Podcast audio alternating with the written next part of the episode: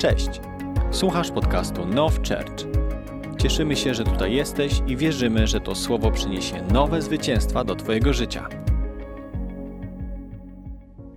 Wiecie, kiedyś leciałem samolotem i leciałem samolotem do Czech. Kiedyś, e, to było już dużo razy. I pamiętam, że w szczególności moje pierwsze loty, które odbywałem, e, to była taka adrenalina. Czy, czy wsiadłem do właściwego samolotu? Ktoś z Was miał pierwsze loty w życiu? Czy siedzisz w dobrym samolocie? Czy lecisz tam, gdzie trzeba? Czy siedzisz na swoim miejscu?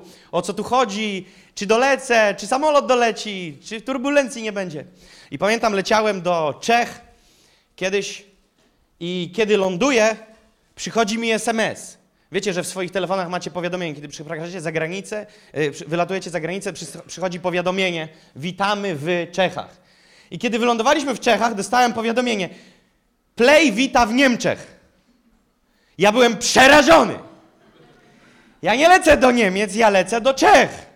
Byłem tak bardzo przerażony, ale pomyślałem sobie, nie mogłem wsiąść do złego samolotu, bo gdybym, gdy skanując bilet na wejściu na pokład, już ta końcowa kontrola, no to te bramki, które puszczały na pokład, by mnie nie przepuściły, bo skan biletu otwierał właściwą bramkę, więc mówię, coś tu jest nie tak. W sumie inni też powinni panikować. W sumie inni też powinni coś czuć, że jest nie halo. No ale patrzę, no wygląda jak Czechy, ale w, pisze jakby Niemcy. No to tak niby tłumiąc emocje, odwróciłem się do osoby, która siedziała obok i mówię, e, to Czechy, prawda? Na cwaniaczka, że niby nie jestem cały zdenerwowany. Mówię, to Czechy? Mówi, tak, tak, Czechy. Mówię, nie Niemcy. Jakie, jakie Niemcy? To są Czechy. Okazało się, że kiedy lecieliśmy nad Niemcami, sygnał został złapany przez nadajnik nad Niemcami i ten samo, SMS zdążył zostać wysłany, ale ja nie zdążyłem go odebrać bo już wznieśliśmy się wyżej i straciłem zasięg. Kiedy lądowaliśmy w Czechach, pierwszy SMS, który do mnie doleciał, to ten witamy w Niemczech. Więc e, byłem przerażony i tym chcę powiedzieć, że ważne jest, abyśmy wiedzieli, gdzie zmierzamy, bo jeżeli nie wiemy, gdzie zmierzamy, to będzie niespodzianka i nawet nie będziemy wiedzieć, czy jak wylądowaliśmy, to wylądowaliśmy tam, gdzie był plan, że wylądować mieliśmy. To jest bardzo ważne, aby Kościół był świadomy celu. I ta terminologia pojawia się prawdopodobnie w waszych uszach nie pierwszy i nie trzeci raz. Kościół świadomy celu. Wiem, że są nawet e, pios te piosenki, mówi, książki, które piszą o tym, że Kościół świadomy celu i tak dalej, i tak dalej.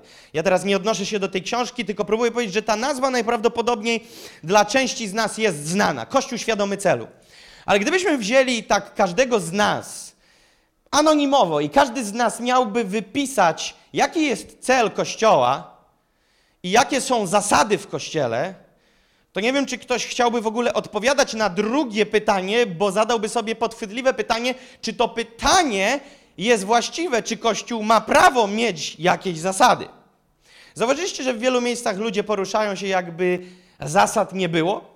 Trochę jak taka strefa bez słowa. Ani to nie polskie ceny, ani to nie te, tej drugiej ceny, to takie pomiędzy. Gdzieś to tam pomiędzy. I zauważyłem, że ludzie często są pełni zasad w swoim domu, w swoim życiu prywatnym, w firmie, w pracy, no bo gdyby było inaczej, to by już pracy nie mieli. Ale zauważyliście, że czasami wkrada się w nas w nieświadomy sposób taka myśl, a może ktoś z nas dzisiaj odkryje, że się może wkradała, a może wkradła, nie daj Boże, taka myśl, że po przekroczeniu progu kościoła, nieważne jakiego, generalnie, funkcjonując wśród wierzących, nie ma zasad. Nie ma zasad, nie ma czegoś takiego jak ktoś mi może powiedzieć, co mogę, co nie mogę. Zobaczcie, że nawet jest taki dziwny odruch na zasadzie, ale jak to, wy chcecie mi powiedzieć, co ja mam robić? Czasami, kiedy opowiadam komuś o Jezusie i próbuję powiedzieć, jak On zmienił moje życie i jak to wpłynęło na moje życie, on mówi, ale jak to? To znaczy, że twoje życie stało się pełne teraz zasad, przepisów i regulaminu. Ja mówię, słuchaj, chciałbyś wierzyć w to lub nie, ale wszystko, co w życiu robimy, jest oparte o zasady. Nie ma żadnej dziedziny życia, która, nie opiera się o zas- która by nie opierała się o zasady. Nie ma takiej dziedziny. Wszystkie dziedziny życia opierają się o jakieś zasady. Pytanie tylko polega na tym, czy się pod te zasady dostosowujemy i czy czerpiemy profity z tych zasad, czy nie. Na przykład, jeżeli na drodze jest ograniczenie do 60 km na godzinę, ty możesz uznać, jakie tam zasady, ja jestem panem swojej fury. I możesz jechać przez Warszawę 110 na godzinę, ale chcę ci powiedzieć, że dowiesz się, najprawdopodobniej jak zobaczysz pana w odblaskowej kamizelce, który macha kolorowym lizakiem, że były jakieś zasady i mało tego, że one były, to funkcjonują w twoim życiu. I to, że ignorowałeś te zasady, wcale nie oznacza, że natrafią na ciebie konsekwencje tych zasad, do których się w tym przypadku, w tej historii nie, nie dostosowałeś. I teraz Królestwo Boże ma swoje zasady. Nie mówię teraz o Kościele, mówię o Królestwie Bożym. Na razie mówię bardzo ogólnie o Królestwie Bożym. Wiecie, w Nowym Testamencie ponad 100 razy jest wzmianka o Królestwie Bożym. Jezus o tym, o czym nauczał najwięcej, oprócz finansów, to o Królestwie. O Królestwie Bożym. To była jego tematyka numer jeden, na której się skupiał. O Królestwie. I on mówił wieloma parabolami, w przypowieściach mówił, czym jest królestwo, bądź do czego jest podobne. Część to łapała, część tego nie łapała, część miała swoją interpretację, część totalnie się temu buntowała. Największy sprzeciw, który był, to ze strony faryzeuszy i sadyceuszy. Oni powiedzieli, kiedy Jezus tak nauczał, oni trochę za nim tak chodzili, pewnego dnia powiedzieli mu, twarda to mowa, któż tego może słuchać? Oni w swoim myśleniu byli panami sami dla siebie. Skąd o tym wiem? Dlatego, że Biblia mówi, że oni nakładali na innych ciężary, których sami nie nosili. Więc tak naprawdę oni byli władcami miasta. Oni trzęśli okolicą, trzęśli ludnością, bo mówili ludziom, jak mają żyć, sami nie żyjąc w sposób, w jaki nauczali, żeby żyć. A kiedy ktoś ich skonfrontował, czytaj Jezus, oni nagle poczuli się dotknięci, że ktoś może im mówić coś sprzecznego z ich doktryną i zasadami, które były. I pierwsze co zrobili, to nie podstawili do tego wzoru siebie w ten sposób, że zasady zasadami my się powinniśmy dostosować. Ich podejście było z góry takie. Ja wiem, jakie są właściwe zasady, i teraz to, co ty mi mówisz, Jezu, Jezu, to, co ty mówisz, Jezu, nie Paweł, nie Piotr, Jezus, to tego się w ogóle słuchać nie da. Oni dosłownie mu to powiedzieli. Twoje zasady, które ty chcesz wprowadzić, Jezu, są tak szalone, że ja ich nawet słuchać nie dam rady. Bo pamiętajcie, oni nie mówili jak zsynchronizowane instrumenty pięciu na raz. Któryś z tych faryzeuszy, któryś z tych sadyceuszy, przewodniczący zgromadzenia, musiał stanąć jako lider swojego, swojej z grupy i powiedzieć do Jezusa: Jezus, posłuchaj. Wy się ze mną zgadzacie, panowie, tak? Okej, okay, no to ja powiem za nas. Tego się słuchać nie da. Twarda to mowa, jej się nie da słuchać. Twoje zasady są szalone. Po pierwsze, dlaczego? Dlatego, że faryzeusze i sadyceusze nie mieli Ducha Świętego. To jest pierwsza bardzo ważna rzecz. Oni nie mieli żywej relacji z Bogiem. Oni utknęli w twardej literze i w zakonie. Oni utknęli w prawie mojżeszowym i ich życie było przeciężkie. I nagle Jezus im podnosi poprzeczkę, a oni mówią, poczekaj, tak naprawdę, gdyby mogli dopowiedzieć, to by powiedzieli tak. My sami to, co czytamy, to nie robimy, każemy robić innym i oni też nie robią, a ty jeszcze podnosisz poprzeczkę? Bez szans. I to jest jedyny pozytyw faryzeuszy i zetyceuszy. Byli szczerzy. Powiedzieli wtedy, któż tego słuchać może? Pomyśl sobie, jeżeli mówisz do nauczyciela, który wiecznie mówi do ogromnej rzeszy ludzi, który ma poważanie w mieście, który ma wpływ, ty publicznie odpalasz mu, to jest tak twarde, jest tak mocne, że tego się słuchać nie da, to myślę, że śmiało możemy dopowiedzieć i na pewno nie zamierzamy tego zastosować. I chciałbym dzisiaj dotknąć kilku miejsc z Biblii, które sprawiły, że faryzeusze się zacięli. A wiecie, my nie możemy wyciągać z Biblii tylko miejsc, które są dla nas wygodne, które wiecznie mówią nam o tym, co dostaniemy, o tym, w czym będziemy opływać, bo to jest tak trochę jak ktoś lubi pizzę, ale bez brzegów i zamówisz z moją żoną pizzę na pół, to ona powie, to ja zjem wszystko inne, a ty brzegi. No trochę nie tak to widzę. Jedzenie pizzy na pół. Ja brzegi, ty resztę, no te ze środeczka najlepsze, w szczególności ten, ten, ta szpica, ta pierwsza taka, którą sobie wkładasz do ust, jeszcze lekko zwieńczone czosnkowym i pomidorowym w proporcji 70 do 30 na czosnkowy. Rozumiecie, o czym mówię? I teraz nie możemy sobie z Biblii wyciągać ulubionego kawałka, a skórek brzegów zostawiać i to na inny dzień. Tak, zgadzam się z tym, że nie możemy przerobić pisma od A do Z w 24 godziny i przebrać wszystkiego, bo wielokrotnie mówiłem, słowo wypowiedziane we właściwym czasie jest jak złote jabłko na srebrzystych czaszach. Więc jest czas na dane słowo, ale nasze rozwijanie się jako dzieci Bożych nie może polegać tylko o wygodne i fajne fragmenty. Biblia to taki poradnik do życia. Oprócz tego, że to jest mocno, w pełni natchnione słowo przez samego Boga, to jest to poradnik dla mnie i dla ciebie, jak żyć. I dlatego Biblii nie da się czytać, będąc pysznym i dumnym, bo nie odbierzesz ducha tego słowa. Pomyślcie o tym. Literę umie przeczytać cztero, pięcio, nie wiem, zależy jak się rozwija, sześcioletnie dziecko. Wersety przeczyta płynnie dziesięciolatek. Ale pytanie, czy my umiemy współpracować i wziąć tego ducha tego słowa. Jeżeli nie, to mamy kłopot. Dlatego, że bardziej niż o literę chodzi o tego ducha. Sama litera, Biblia mówi, zabija. Duch Święty ożywia to słowo. Wiecie, że jest słowo, które nazywa się słowem rema? To jest słowo objawione, to jest żywe słowo.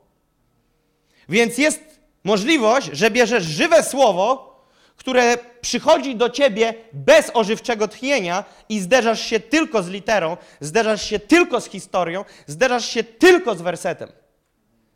A możesz nie zderzać się z duchem tej historii.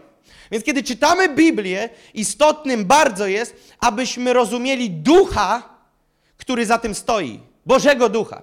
I teraz, kiedy mówimy o Królestwie Bożym, to musimy zrozumieć, że aby jak najbardziej to wytłumaczyć, bo to jest, niektóre wersety są tak oklepane, niektóre słowa w Biblii są tak wyklepane, że my nie do końca rozumiemy o co chodzi. Jak mam porównać do królestwa, to porównam do narodów. Okay? Polska ma prezydenta, Czechy mają prezydenta i tak dalej. Niektóre kraje mają króla. I tak samo jest z Królestwem Bożym. To jest Polska i Polska ma swojego prezydenta. I Królestwo Boże ma swojego króla. Kogo? Boga. Kto jest, siedzi na tronie? Jezus Chrystus. Więc kto jest królem? Jezus Chrystus. Więc on w swoim królestwie ustanawia swoje zasady. Nie wiem, czy wiecie, ale kiedy tak zwany Biden, Biden po polsku, e, objął tron w Stanach Zjednoczonych po Trumpie, to pierwsze co zrobił, powywracał do góry kołami wszystko, co Trump zrobił. Na dzień dobry, wziął pióro nabite atramentem od góry do dołu, żeby starczyło i wszystko, co wprowadził Trump, on wywrócił do góry kołami. On powiedział, ja rządzę i ja wprowadzam swoje rządy. I co kolejny, to ciekawszy. Ale każdy wprowadza swoje zasady. Jest to dosyć mocna władza, która pozwala wprowadzać diametralne zmiany, które mają wpływ na cały naród. I Królestwo Boże w tym kontekście się niczym nie różni. Ma swojego króla, który to ustanawia swoje zasady. I kiedy ty i ja się na nowo naradzasz, kiedy ty i ja, to jest coś, czego zauważyłem jest banalnie proste, a dziewięciu na dziesięciu chrześcijan nie łapie. W momencie, kiedy się na nowo naradzasz, ty wchodzisz dosłownie posiadanie paszportu kraju, który nazywa się Królestwo Boże, i od tej pory należysz do zasad, które są w Królestwie Bożym. Moja żona jest Ekwadorką. Ona nie ma polskiego obywatelstwa jeszcze. Ona ma obywatelstwo ekwadorskie. I przepisy w wielu miejscach w Ekwadorze różnią się od tych w Polsce. Między innymi historię wam opowiadałem, jak prawie na pasach zabiła pieszego. Bo w Ekwadorze na przejściu dla pieszych gaz w podłogę, a pieszy ma uciec, a w, Ekw- y, a w Polsce pieszy ma pierwszeństwo. Innymi słowy, w Ekwadorze samochód ma pierwszeństwo, a w Polsce pieszy ma pierwszeństwo. I teraz mówię, Sara, kiedy ty najeżdżasz na pasy, to nikogo w Polsce nie będzie interesować, że ty wychowałaś się w zasadach Królestwa Ekwadoru. To zupełnie nikogo nie będzie interesować, ponieważ nieznajomość prawa nie zwalnia cię z odpowiedzialności, do których zostaniesz pociągnięty poprzez to, że nie respektujesz danego prawa. Kiedy byliśmy w Czechach teraz i wracałem samolotem, był test mojej cierpliwości, średnio go zdałem. Wchodzę w maseczce na lotnisko, a oni mi mówią, że maseczkę, którą ja mam, jest niedobra. I że tu trzeba inną maseczkę. Ja mówię, ale ja mam maseczkę taką, którą lekarze w Polsce noszą. Ale ty nie jesteś w Polsce, ty jesteś w Czechach i tu rząd wprowadził inne maseczki i twoja maseczka jest inna od tej, co mamy nosić. Jeżeli się panu nie podoba, to tam jest exit, wyjście.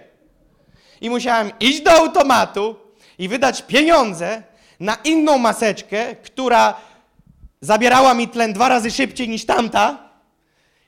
I wtedy wszyscy byli szczęśliwi. Walczyłem jak mogłem. Chciałem przejść bokiem. Po prostu nie chciałem ulec tej masce.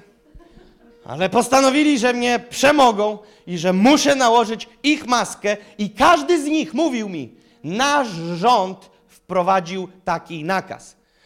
Nasz rząd każe nosić taką maskę. Zapierali się cały czas, kryli się tym, co wprowadził rząd.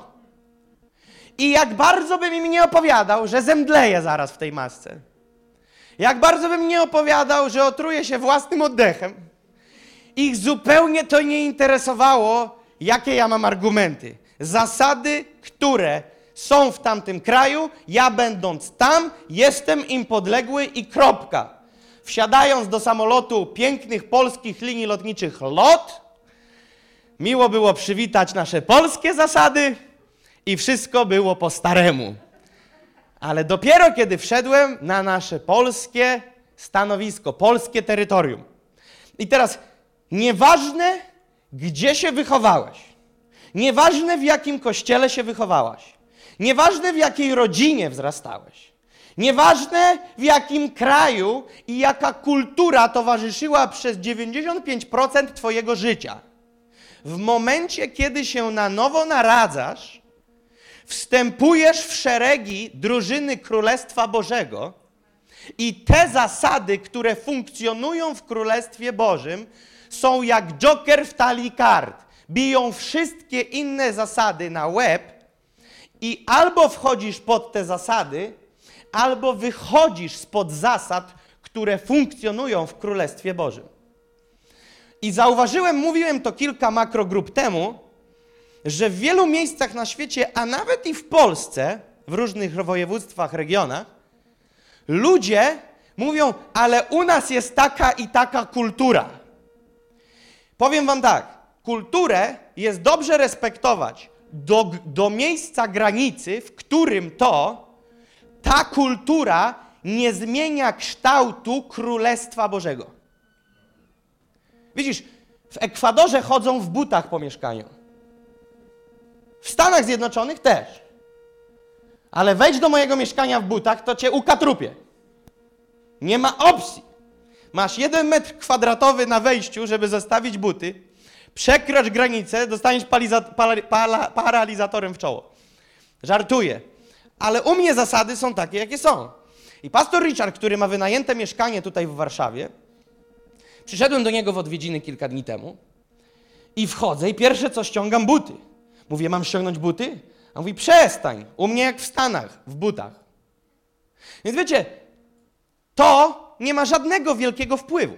Czy ty w kapciach, czy ty w butach, to nie jest istotne. Ale jeżeli są pewne rzeczy kulturowe w nas, albo w naszych nawykach, które to zaczynają mieć taki impact, że zaczyna zasada Królestwa Bożego w jakimś obszarze zmieniać kształt, wtedy mamy kłopot. Wtedy mamy kłopot. W pewnym miejscu możemy respektować swoje jakieś prywatne nawyki do momentu, w którym to te nawyki nie wykrzywiają zasad Królestwa Bożego. Pewien wierzący powiedział mi kiedyś: Ja się co niedzielę modlę, czy idź do kościoła. Co ty dobry przygłup jesteś, mówię. Po co ty się modlisz? No bo ja jestem dzieckiem Bożym i mnie tak nauczono, że ja nic bez Ducha Świętego wezwania nie robię. Ja mówię, ty, ale ty nie potrzebujesz się modlić o coś, co już dawno jest w Biblii napisane. Biblia mówi, nie opuszczajcie wspólnych zgromadzeń, jak to niektórzy mają w zwyczaju. Więc mówię, co ty jesteś, jak niektórzy w zwyczaju? Ty nie musisz się o to modlić. Ale mnie tak wychowano. Ale mnie nie obchodzi, co ci, jak cię wychowano w tym przypadku, bo zaczynasz mi przemycać zasady, które wykrzywiają w niebezpieczną stronę zasady Królestwa Bożego, które są już ustanowione. I to taka pierwsza myśl, która się pojawia nie jako główny punkt dzisiejszego spotkania, taka dodatkowa myśl. Bez znajomości Bożego Słowa zwariujemy. Bez znajomości Bożego Słowa zwariujemy totalnie, bo każdy z nas zrobi sobie taryfikator. Każdy z nas sobie zrobi, co można, co nie można, dlaczego nie można, dlaczego można. Ale jeżeli to nie spina się ze Słowem, to nie ma to żadnej władzy. Ja opowiadałem już nieraz policji, dlaczego to się śpieszyłem. Ale to ich zupełnie nie interesuje. On mówi, wie pan, ile my historii słyszymy? My mamy znieczulicę na te historie. One na nas nie wpływają. Jeszcze nikt nie otworzył szyby i powiedział, wiem, zgrzeszyłem, płacę. Każdy miał zawsze do powiedzenia dlaczego. A to żona rodzi, a to główka na wierzchu, a to ciocia umiera, a to patelnia została na palniku włączona. A to jak patelnia, to jedź. Nie, nie. I wiecie, i chciałbym mówić o królestwie. Dlatego, że Kościół, zasady, które powinny być w każdym lokalnym kościele, powinny być zgodne z zasadami Królestwa Bożego. Nie każdy kościół jest w, w tym samym miejscu, nie każdy kościół jest w tym samym sezonie, więc może nie, zda, nie zdążą jeszcze wprowadzić tego, co kościół, który działa 4 lata dłużej. Ale każdy kościół lokalny nie powinien tworzyć swojej kultury, tylko kultura tego miejsca powinna być kulturą Królestwa Bożego.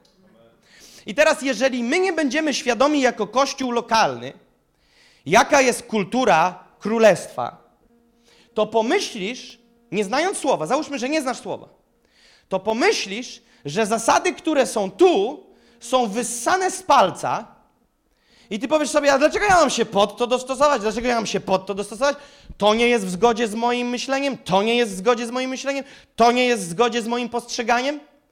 Ale dzisiaj ja chcę wytłumaczyć wiele rzeczy i zamierzam to zrobić w ekstremalnie ponadnaturalny sposób. Nie wiem jak, ale chcę dotknąć wielu rzeczy bardzo po płyciźnie. Jak pewne rzeczy widzimy jako Kościół, po to, że później w następnych miesiącach będziemy je rozwi rozwijać. Dzisiaj ja dotknę jedną entą całego obrazu, ale dotknę te rzeczy, które uważam, że na dzisiaj dzień już się powoli z niektórymi spóźniamy. Wiecie, bo nie możemy powiedzieć, ok, 100% tego, co mówi słowa, aplikujemy dzisiaj. Bo byśmy wszyscy zwariowali tutaj, nie, do, nie nadążymy za tym wszystkim. Objawienie, jak pastor Richard mówił nieraz, jest progresywne. Dojrzewanie jest progresywne. Ja mojemu synowi nie mogę powiedzieć, wiesz co, już umiesz chodzić, mówić, to wysyłam cię na trzy miesiące na misję do Chin. Za szybko. Muszę to progresywnie go przygotowywać. Dwa razy zostawić go samego w windzie. Rozumiecie? Okres przygotowawczy. Jak sobie z tego wyjdzie, jak poradzi, czy wciśnie ten właściwy guzik, a jak na innym wyjedzie, to czy zrozumie, że wyszedł na innym piętrze, czy wróci na właściwe. Rozumiecie? Okres przygotowawczy.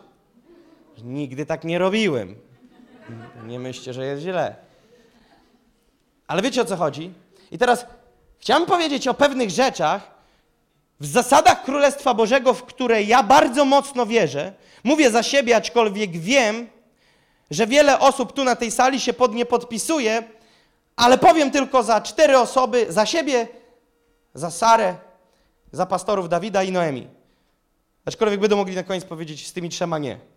Ale myślę, że jesteśmy spójni w większości tego, jak nie wszystkim, co teraz, co, co teraz powiem. I kiedy przygotowywałem się do tej grupy, do dzisiejszego spotkania, zapisałem sobie pewne zdania, które nie chcę, aby były parafrazowane, chcę, abym mógł je przeczytać bardzo powoli. Kultura, w której żyjemy, ja powtórzę je kilka razy, ale pierwsze na zapiskę, jak chcecie. Kultura, w której żyjemy, tradycja, w której żyjemy i to, jak żyje ten świat, nie może wpływać na kształtowanie interpretacji zasad Królestwa Bożego. To zasady Królestwa Bożego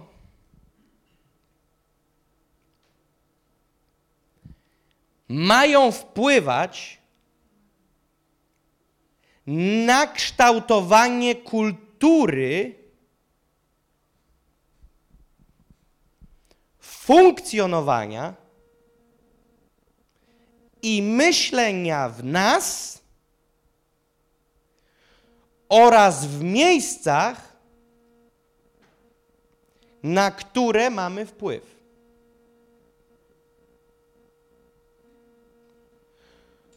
Kultura, która panuje w tym kraju,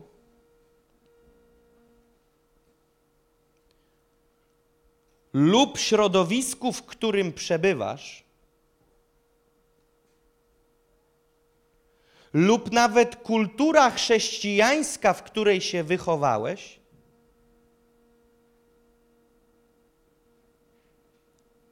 nie jest wyznacznikiem.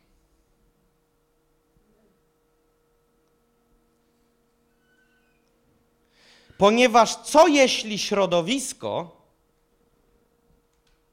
i tu dopisałem sobie nawet chrześcijańskie, w którym się wychowałeś, wychowałaś,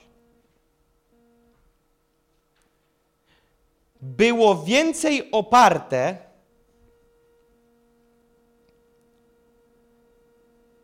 na ludzkich poglądach i tradycjach,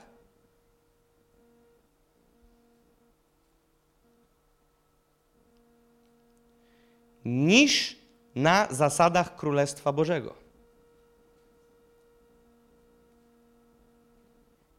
I ostatnie zdanie.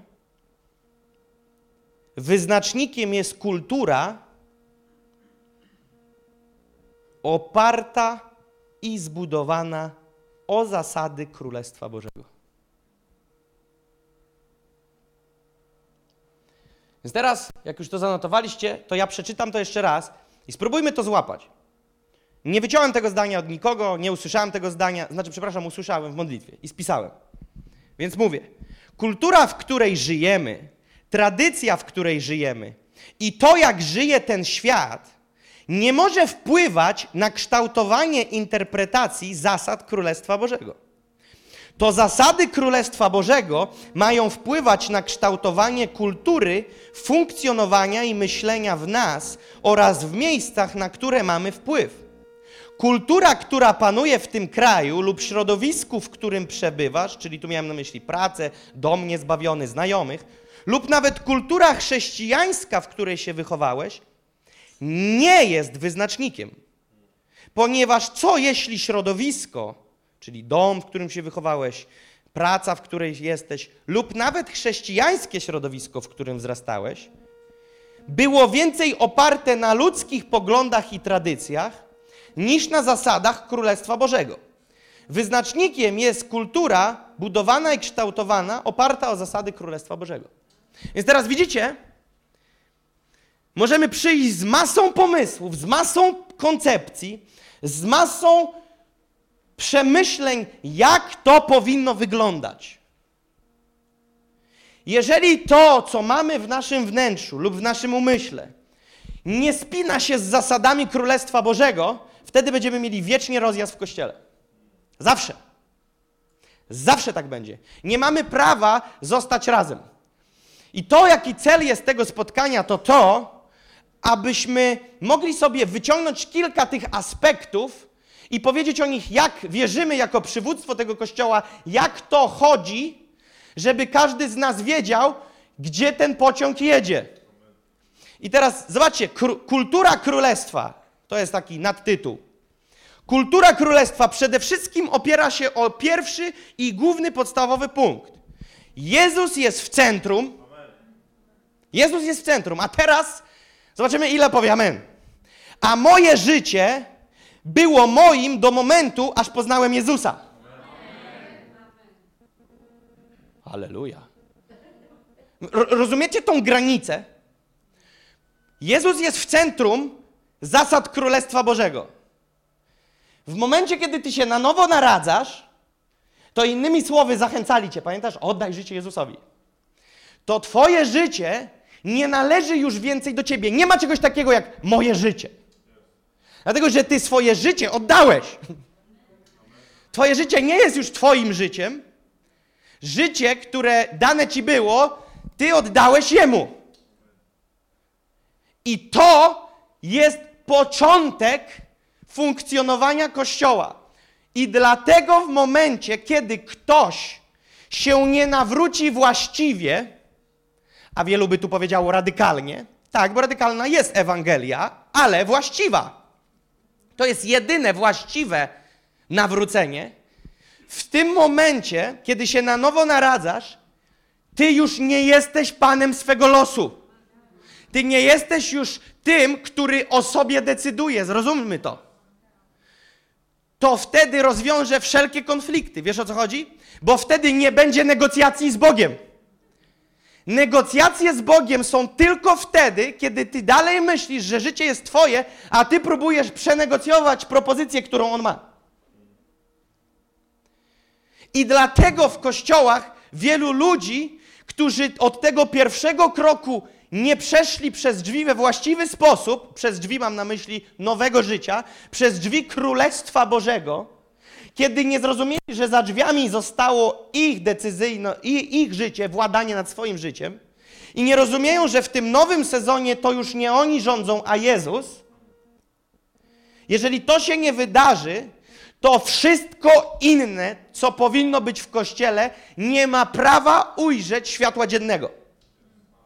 A nawet jeśli ujrzy na chwilę, to bardzo ważna rzecz, to tylko na chwilę i skończy się to jeszcze większym trzaskiem na koniec, bo rzeczy będą robione z tytułu zaciśniętych zębów i bo mus, a nie dlatego, że robisz to z miłości.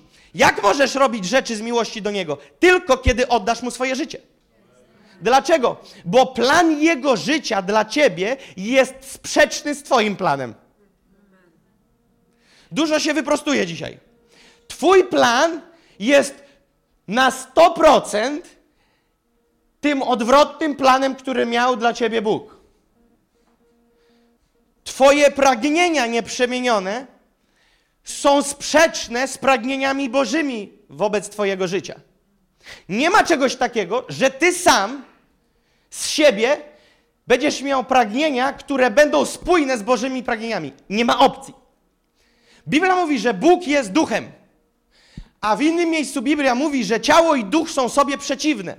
Człowiek, który żyje bez Boga, nie ma prawa władania i rozumienia rzeczywistości duchowej. Jest miotany tylko i wyłącznie ciałem, emocjami, które to są wedle Biblii, według Biblii przeciwne duchowi. Człowiek bez Boga nie ma prawa podjąć właściwej decyzji. Musimy to zrozumieć. Może podjąć właściwą decyzję typu zamówić właściwy posiłek, yy, dawkować właściwie pokarm dla swojego dziecka, pojechać do właściwego miejsca na wakacje. Ale ja mówię o życiowych decyzjach. Nie ma szans, bo Jezus powiedział: Nic beze mnie zrobić nie możecie. A kim on jest? Dawcą życia, życiem. Więc Twoje plany, bez tego, który jest życiem, będą prowadziły w miejsce destrukcji. I nie musicie mi wierzyć, wystarczy, że spojrzycie na ludzi w tym świecie. Oni gonią destrukcję szybciej niż każde pokolenie wcześniej. Dlaczego? Bo coraz bardziej ten świat wmawia, ty jesteś panem swojego losu, ty jesteś królem swojego życia, ty jesteś Bogiem. Dziś rozmawiałem z jedną ekspedientką. Duża historia, krótka. Czytała moją książkę, przeczytała wszystko, słyszała o naszych eventach i mówi do mnie: Tak, tak, ja wierzę w Boga. O, mówi, wow. On mówi, właściwie to my wszyscy jesteśmy bogami. Oj, to jednak się nie dogadaliśmy. Wszyscy jesteśmy bogami. Więc cieszę się, że jako Bóg znalazłeś innego Boga. Oj, cię kręcę, co ty mówisz? O czym ty do mnie rozmawiasz? Ja cię nie rozumiem, zmieniłaś język. Nie, nie jesteśmy bogami. Ona, wiesz co? A powiedz mi, to ten dar takich rzeczy na spotkaniach, to, to, to zawsze ktoś musi mieć, nie? Żeby się takie rzeczy działy. Ja mówię, tak, Bóg. A to nie Pan ma? Do mnie mówi. No tak się składa, że ja też sam z siebie nic. My chcemy Boga, bo my nie jesteśmy bogami. Bóg jest tym, który jest sprawcą i dokończycielem. O, my sami nie damy rady. No, ciekawa koncepcja, ciekawa. Rozumiecie, dzisiaj ten świat jest popaprany. Każdy sobie wymyśla model na życie. Jedna pani w restauracji, jakiej głosiłem, powiedziała mi: Ja ja wierzę w życie po śmierci. Obudzę się motylem.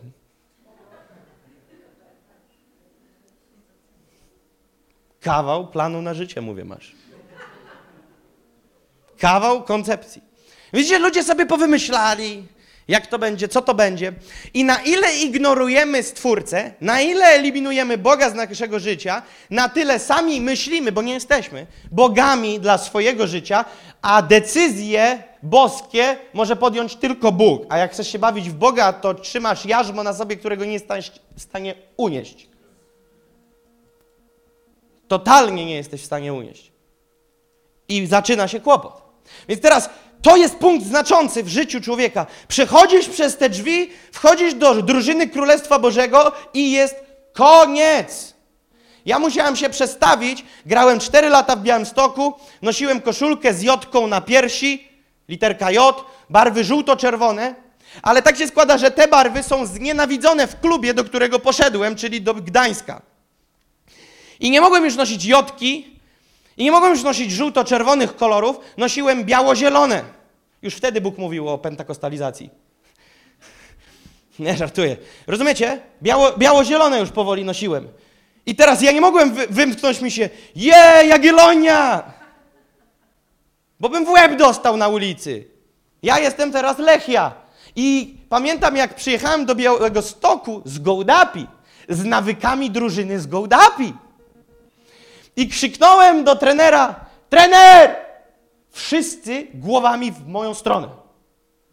Ja myślę, co ja złego zrobiłem? A on podchodzi i mówi, młody, to nie Gołdap. Tu się mówi, panie trenerze. O kurcze. Wiesz, ile razy musiałem się ugryć w język, jak krzyczałem? Bo w Gołdapi to było tak. Trener! Kołciu! Albo Mireczku! I Mireczek mówi, co tam kamyczku? Ja mówię, Mireczku, dawaj te pachołki do boku i gramy. A tam, panie trenerze, spróbuj coś powiedzieć, jak pan trener w Białymstoku mówił. Dostaniesz blachę na dzień dobry i się będziesz przypominał sobie, jak się nazywasz. A w Gołdapi trener czekał, aż wszyscy ucichną. Raptem inne zasady. Kiedy wchodzisz do, za, do drużyny Królestwa Bożego, możesz spakować swoje wszystkie nawyki, wyrzucić do kontenera, bo jeżeli one się nie pokrywają z zasadami Królestwa Bożego, to będą ci tylko kulą u nogi i niczym więcej. I teraz przejdźmy do kolejnego punktu, o którym mówi, kontynu, kontynuujemy. Ewangelia Mateusza, 10 rozdział, 39 werset mówi tak. Kto stara się zachować życie swoje, straci je. A kto straci życie swoje dla mnie, znajdzie je. Jedna z podstawowych zasad Królestwa Bożego, o których nauczał Jezus. Jezus mówi tak: Jeżeli kto stara się zachować swoje życie, straci je. A kto straci swoje życie dla mnie, znajdzie je. To było w przekładzie w Biblii Warszawskiej, a w UBG jest napisane: Kto znajdzie swoje życie, straci je, a kto straci swoje życie z mego powodu, znajdzie je.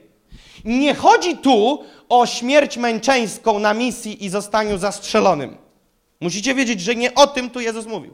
Jezus nie mówił tutaj w kontekście, jak przyjdzie decyzja, czy chcesz umrzeć śmiercią męczeńską, to wtedy jest dobry moment. Nie, bo ten werset byłby do bardzo małego procenta kościoła i nie byłby do większości z nas, bo nikt nam życiem nie grozi śmiercią z powodu Ewangelii. Tu Jezus mówił o czymś innym. I o czym On mówił? Przeczytam jeszcze, co jest napisane w Ewangelii Świętego Jana 12:25. W Jana 12:25 jest napisane tak. Kto miłuje życie swoje, utraci je, a kto nienawidzi życia swego na tym świecie, zachowuje ku żywotowi wiecznemu. Gruby werset. Ten werset mówi, Twoje życie i moje życie musi stać się poddane pod dyktando Jezusa Chrystusa. Jeżeli coś z Twojego życia staje na przeszkodzie wykonania się Bożego powołania nad Twoim życiem i w życiu ludzi przez Twoje życie, wtedy Biblia mówi, że nie tracisz swojego życia dla mnie, ale zachowujesz życie dla siebie, a w finalnym rozrachunku je stracisz. Ale Jezus mówi, kiedy zapierasz się swojego życia, kiedy mówisz sobie nie na Jego rzecz, wtedy swoje życie wygrywasz. Wtedy swoje życie wygrywasz. I tam byli faryzeusze, i tam sadyceusze. W tym momencie to były pierwsze momenty, kiedy patyczkami do uszu przecierali uszy i mówili: Chyba chłop przesadza. Chyba przegiął. Co on do nas mówi? Jakie on nam tu wprowadza zasady? I zapisałem sobie tak. System życia Kościoła nowotestamentowego, systemem, przepraszam, życia systemem życia Kościoła nowotestamentowego było to, że kiedy wierzący kościołu, Kościoła pierwszych czasów, dziejów apostolskich, oddawali swoje życie Jezusowi i szli za Jezusem, całkowicie oddawali swoje życie na sprawę Ewangelii. Próbuję podkreślić słowo całkowicie. I teraz zapisałem sobie tak. Kiedyś oddanie życia Jezusowi oznaczało zupełnie coś innego niż dzisiaj. Dzisiaj Jezus stał się dodatkiem do naszego życia. Dzisiaj Jezus stał się dodatkiem do naszego życia. Kiedyś Jezus był stylem życia.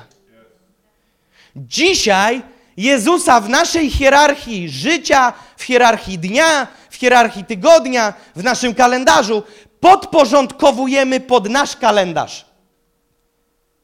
Kiedyś kalendarz podporządkowywano pod Jezusa. Przykład? Jezu, powiedz mi, Jakub, co ty mi mówisz o jakimś kalendarzu? Daj mi biblijne potwierdzenie na to, że o kalendarzu mowa. Bardzo proste. Piotr siedzi na łódce i łowi ryby. To jest jego zawód. To jest jego profesja. Nie zdał szkoły faryzejskiej, więc łowił ryby. Taka była prawda. Większość społeczeństwa jedyne co mogło robić, to łowić ryby w tamtych czasach. Więc Piotr łowi ryby. To jest jego patent na życie. To jest jego praca. To jest jego zawód. Przez to przynosił pieniądze do domu. Więc on miał kalendarz. Pracuje dziś, pracuje jutro, pracuje pojutrze, pracuje za tydzień. I nagle przychodzi Jezus i mówi: Pójdź ze mną, nie będziesz więcej łowił ryb, będziesz, będziesz łowił y, ludzi. Teraz ja cię nauczę, jak być rybakiem ludzi. A wiecie, co jest napisane? A Piotr opuścił łódkę i poszedł za Jezusem. To jest radykalne pójście za Jezusem. Ja nie mówię, że wszystkim Jezus powie zejdź z łódki, ale na pewno powie ci, że przemaluj łódkę. Przemebluj tą łódkę. To ci gwarantuję. Nie wszyscy zostaną powołani do służby pełnoetatowej. Taki jak został powołany Piotr. Ale każdy z nas usłyszy, co w tej łódce jest do zmiany. I ktoś powie, Jezu, ale ja mam swój kalendarz, ja teraz wypływam. Zresztą to była mowa, kiedy Jezus z brzegu zawołał, czy złowiliście jak tam łowy. On mówił, nie, nic nie idzie. Oni już chcieli kończyć. Więc mówi, ty zarzuć z drugiej strony. Nie no. Jakiś człowiek z plaży będzie mi mówił, jak ja mam łowić ryby, jak jestem zawodowcem. W moim CV jest tylko jedno, rybak. I on mi będzie mówił, jak ja mam łowić. Co on nie wie, że jak ryby są, to i z lewej, i z prawej strony łódki my nie płyniemy promem który ma pojemność na 5 tysięcy ludzi i że od lewej do prawej jest 300 metrów, to tak nie jest. Ta łódka, rozumiesz, z lewej rzucasz lewą ręką, z prawej rzucasz prawą ręką. A mówi, zarzuć, to zobaczysz. Jezus wywrócił totalnie ich życie do góry nogami. I na ile oni za tą wywrotką poszli, na tyle mieli tego owoc. A na ile się zapierali, na tyle to nie szło. Więc tak naprawdę oddanie życia Jezusowi oznacza, On decyduje. Nie mogę powiedzieć mu, teraz mówię na razie o nim, nie mogę mu powiedzieć, wiesz, nie mam na to czasu. Powiecie mi, ale Jakub, kto tak mówi? Słuchajcie, przez 6 lat mojej krótkiej przygody z Panem spotkałem mnóstwo ludzi. Mnóstwo, którzy pokutując zwierzali mi się. Jakub, przez 4 lata opierałem się Panu w tym i w tym. Przez 4 lata wiem, że go nie słuchałem. Przez 4 lata, przez 3 lata, przez 5 lat, przez 10 lat mówił mi, abym nie brał sobie tej osoby za partnera życiowego. Mówił mi, abym nie wyjeżdżał do tego miasta. Mówił mi, abym nie zrobił tego i tamtego. Mówił! A ja nie posłuchałem, bo miałem lepszy plan na życie i dziś płacę tego konsekwencje. Mnóstwo ludzi. Nie mówili, mi pastor powiedział, czy to, czy tamto. Wi- Mówią, Bóg mi wyraźnie powiedział, a nie posłuchał. I znam wielu ludzi, którzy nie byli gotowi poświęcić relacji, przede wszystkim relacji. Poświęcić sentymentu do swojego miasta, sentymentu do swojego domku. Pan wzywał na misję za granicę, ale ja z domu nie wyjadę, bo jestem ciamciakiem cielesnym. Dlatego nie wyjedziesz.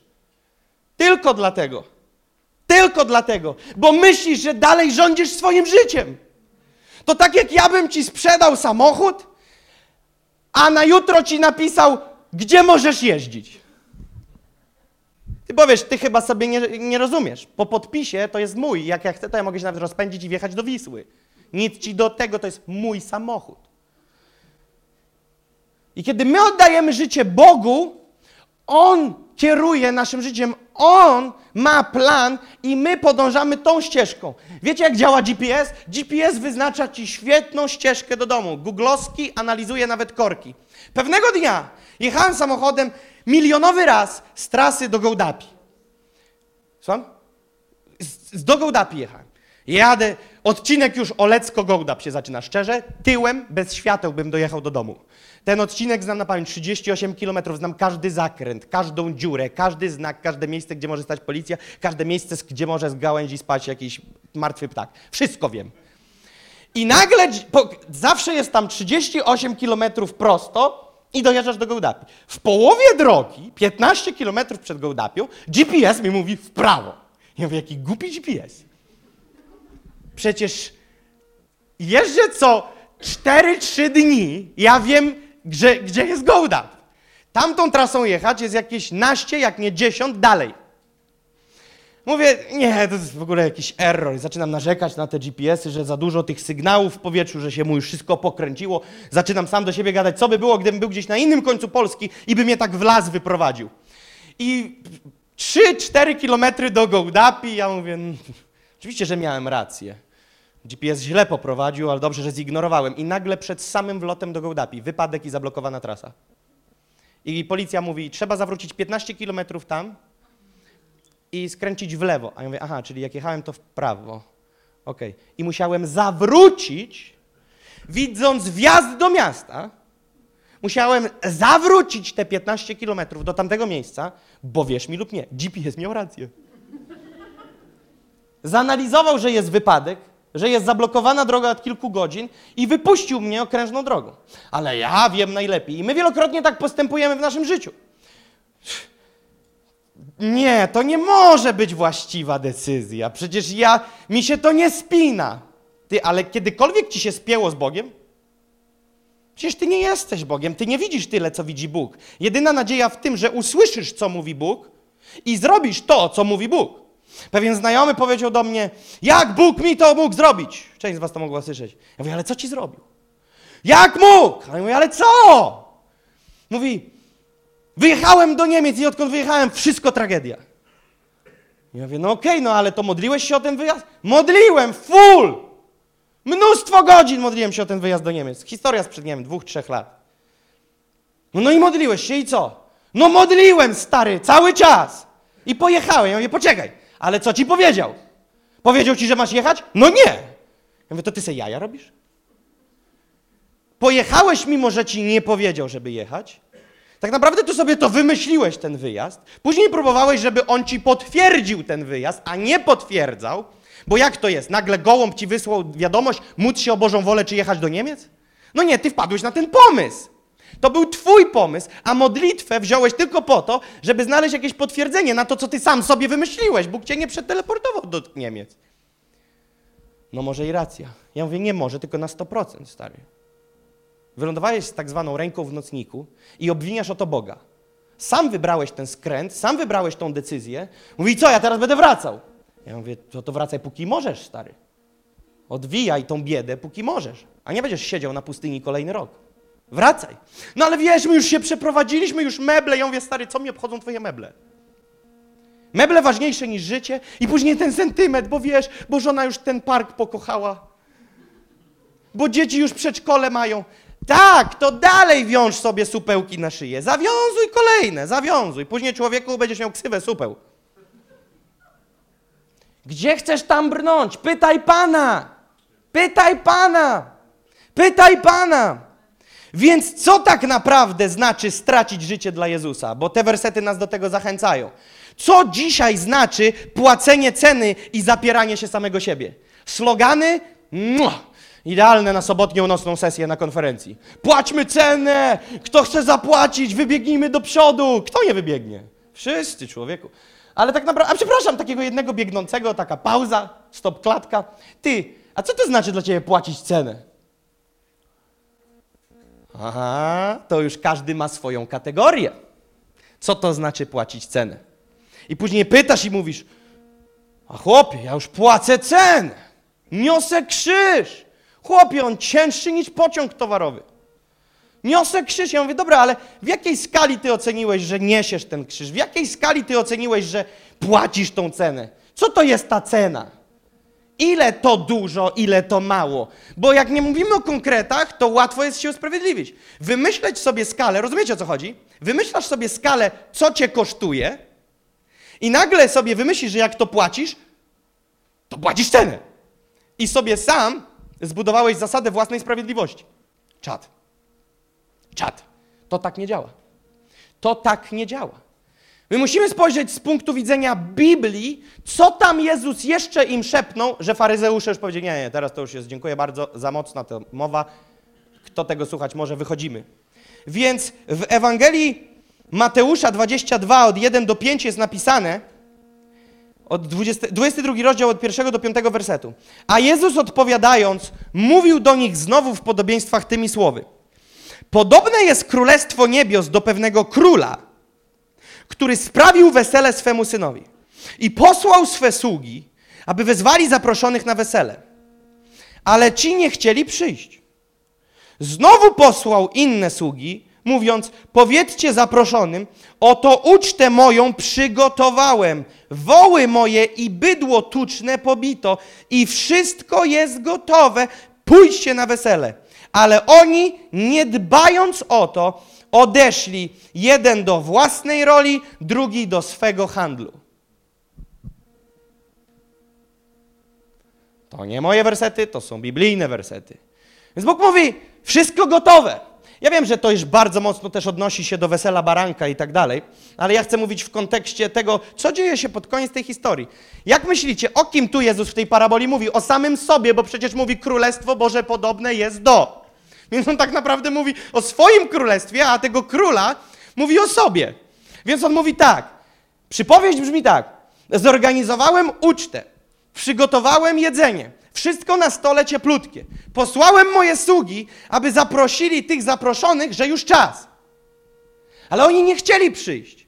Jest tu powiedziane, że ponownie Jezus wysłał, to oznacza, że jest cierpliwy i jest Bogiem drugiej szansy, dziękuję bardzo. I mówi, posłał jeszcze raz sługi, i ci słudzy przyszli i odpowiedzieli królowi, czyli Jezusowi, tak, Jezu, oni ignorują totalnie Twoje zaproszenie, bo są w tej chwili zajęci swoim handlem, swoimi sprawami. Oni nawet tak bardzo nie wiedzą, jak pisali na XXI wiek. Dzisiaj Kościół nie może funkcjonować sześć razy w tygodniu. Wiesz dlaczego? Bo mamy własny handel, mamy własne sprzedawanie rzeczy, mamy własny tempo życia, własny styl życia. Prawda jest taka, że jesteśmy daleko od Kościoła nowotestamentowego. Przepraszam, ale daleko. Dlatego, że nie możemy wyciągnąć sobie wersetów wygodnych opisujących Kościół nowotestamentowy, ale musimy wyciągać pełny obraz Kościoła nowotestamentowego. Przykład?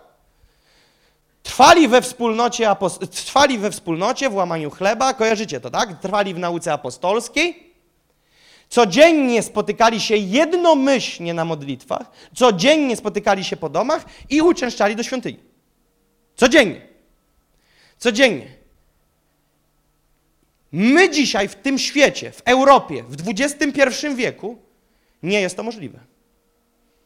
Gdybyśmy dzisiaj mieli dostosować się do tego wersetu, to nie możemy powiedzieć, wiesz, bo to było pisane na tam tydzień po Jezusie, jak miało być akcja stąpienie, stąpienie Ducha Świętego, wylanie Ducha Świętego.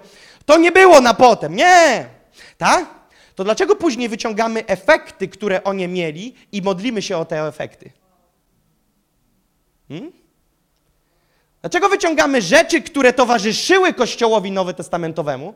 Dlaczego modlimy się i oczekujemy znaków i cudów, które towarzyszyły Kościołowi Nowotestamentowemu, ale nie chcemy chodzić, funkcjonować i płacić ceny, jaką płacił Kościół Nowotestamentowy? To jak już musisz powiedzieć, że to nie jest dla Kościoła na dziś, to i nie oczekuj tych rzeczy, które oni mieli. A my wyciągamy i mówimy, i to się wydarzyło, i tam to się wydarzyło, i tego nie ma, i tam, i tam to widzieli, a u nas nie ma, i nie ma, i nie ma. Bo jak wszyscy są tacy jak ty, to nigdy nie będzie. Musimy się zmienić, musimy się ogarnąć. Musimy mówić prawdziwą Ewangelię, a nie ciupcianą i grzeczną Ewangelię. Musimy głosić prawdziwą Ewangelię. I mnie naprawdę to zaboli chwilowo, ale mnie to nie wpłynie to na to, co będę głosił. Wiem, że część z Was nie wytrzyma tego słuchać. Ale to jest prawda, to jest słowo, to jest napisane. Więc jest napisane, ale oni, nie dbając o to, jeden do własnej roli, drugi do swego handlu. Czym jest własna rola? Gdzie miałeś własną rolę? Wokoło własnego domku. Ma swoją działeczkę, swój domek, swoją ziemię. Trzeba zrobić tamto, trzeba zrobić to, rowerkiem pojeździć, tamto zrobić, na siłownię po sąsiedzku pójść, z koleżanką się spotkać. To jest nasza rola. I ja nie mówię, że nie można pójść na siłownię, pojeździć rowerkiem, trawnika skosić i pójść na spacer, bo zachęcam do takiego stylu życia. Próbuję powiedzieć, że jeżeli jest wezwanie, a ty nie masz czasu, bo chodzisz po swojej roli, to masz kłopot. I najgorsze w tym wszystkim jest napisane, ale oni nie dbając o to. Rozumiesz? Jezus powiedział, że oni nie dbali o Jego sprawę. Oni nie wnikali w to, o co poprosił Jezus. Oni nie wnikali w to, co poprosił Jezus. W jednym kościele, w którym kiedy wszyscy by przyszli, spokojnie ponad tysiąc osób. W kilku takich byłem z pastorem Richardem. Pastor Richard, kiedy przyjeżdża, w kilku miejscach, nie we wszystkich, w większości, Duch Święty tak go prowadzi, że zaczyna się o piątej rano modlitwą. I mówi, pastorze, ja przyjeżdżam, ale Duch Święty kładzie na serce, że zaczynamy piątą rano modlitwą. Przekaż Kościołowi, że o piątej rano jest modlitwa, bo tak chce Duch Święty. Nie ja, bo ja chcę spać. Nie ja, bo ja mam problem po locie, mi się czas zmienił, ja chcę spać. Duch Święty mi powiedział, o piątej rano jest modlitwa. Do kościoła ponad tysiąc osobowego. Na taką modlitwę przyszło więcej ludzi, którzy przyjechali z pastorem Richardem niż z tego kościoła. A przyjechało około ośmiu. Rozumiecie? Pastor Richard przychodzi do kościoła, do lidera kościoła i mówi, gdzie są ludzie? No ja nie wiem. No ale gdzie, jak nie wiesz? Dałeś znać, liderzy się odezwali, przekazali się, tak, było ogłaszane. No to gdzie oni są? No nie wiadomo, wiesz, no gdzieś nie doszli, nie? A tych kilku, co przyszło, zasnęło na krzesłach. Byli we własnej roli, mieli czas na własną rolę, na własny handel, ale nie na to, co zaaranżował Duch Święty.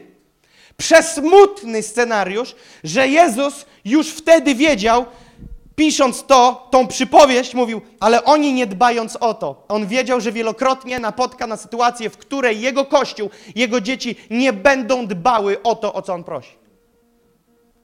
Wiedział od początku, że będzie miejsce w kościele, w którym to ludzie nie będą dbali o to, o co on prosi. I to jest to, o czym mówiłem wcześniej. Wcześniej Jezus stawał się stylem życia, kiedy ktoś oddawał życie dla Jezusa. Dziś Jezus stał się dodatkiem.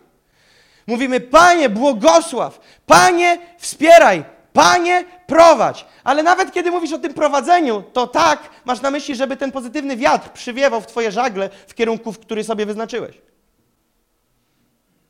Bo kiedy byś naprawdę powiedział prowadź, to pierwsze, co byś usłyszał, zawróć. A wtedy byś powiedział, idź precz, szatanie, jakieś dziwne myśli. To są ciężkie rzeczy, które musimy sobie przerobić. Więc Ewangelia Świętego Mateusza, 10 rozdział, od 16 do 41 wersetu. O ludzie, jaki fragment, miesięczna porcja wersetów. 10 od 16 do 41. Słuchajcie, jest napisane tak. Oto ja posyłam was jak owce między wilki. Bądźcie tedy roztropni jak węże i niewinni jak gołębice. Posłuchajcie tego teraz. I strzeżcie się ludzi, albowiem będą was wydawać sądom i biczować w swoich synagogach. I z mego powodu zawiodą was przed namiestników i królów, abyście złożyli świadectwo przed nimi i poganami. A gdy was wydadzą, nie troszcie się, jak i co macie mówić, albowiem będzie wam dane w tej godzinie, co macie mówić. Bo nie wy jesteście tymi, którzy mówią, lecz duch Ojca waszego, który mówi w was. A wyda na śmierć, teraz posłuchajcie, brat brata i ojciec syna, i powstaną dzieci przeciwko rodzicom i wyprawią ich o śmierć, i będziecie w nienawiści u wszystkich dla imienia mego, ale kto wytrwa do końca, ten będzie zbawiony. Teraz słuchajcie dalej. A gdy was prześladować będą w jednym mieście, uciekajcie do drugiego. Zaprawdę powiadam wam, zanim zdążycie obejść miasta Izraela, Syn Człowieczy przyjdzie. Nie jest uczeń nad mistrza, ani sługa nad swego pana. Wystarczy uczniowi, aby był jak jego mistrz, a sługa jak jego pan. Jeśli gospodarza Belzebubem nazwali, tym bardziej jego domowników. Przeto nie bójcie się ich, albowiem nie ma nic ukrytego, co by nie było, co nie miało być ujawnione, ani nic tajnego, o czym by nie dowiedzieć się miano. Co mówią wam w ciemności, opowiadajcie w świetle dnia, a co słyszycie na ucho, głoście na dachach. I nie bójcie się tych, którzy zabijają ciało, ale duszy zabić nie mogą. Bójcie się raczej tego, który może i duszę, i ciało zniszczyć w piekle. Czyż nie sprzedają za grosz dwóch wróbli?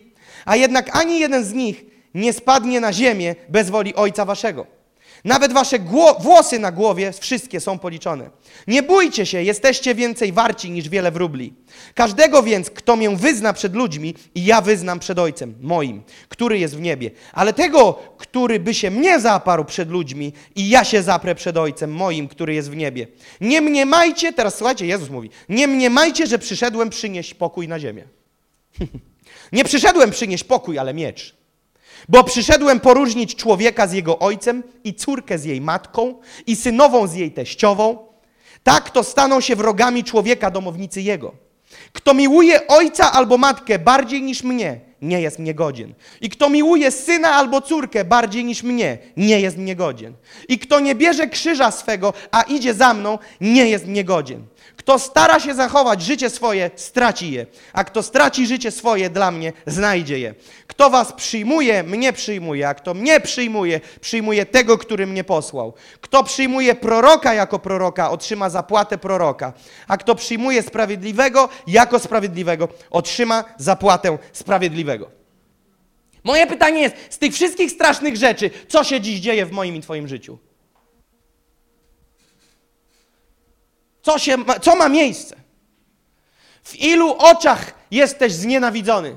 Jak bardzo cierpisz i z tego względu nie idziesz na kompromis i jesteś w stanie dalej to znosić ze względu na Chrystusa? Ile ludzi cię wyzywa za to, co robisz? Ile ludzi cię ora za twoją radykalność? Ile ludzi w rodzinie ci mówi, jeżeli nie puścisz tego chorego układu, w który się wpakowałaś, to cię wyrzucamy z rodziny? Wielu ludzi mówi, co mam zrobić? Mój mąż mówi, że mnie zostawi. Serio? Chcę ci powiedzieć coś o mojej mamie i tacie.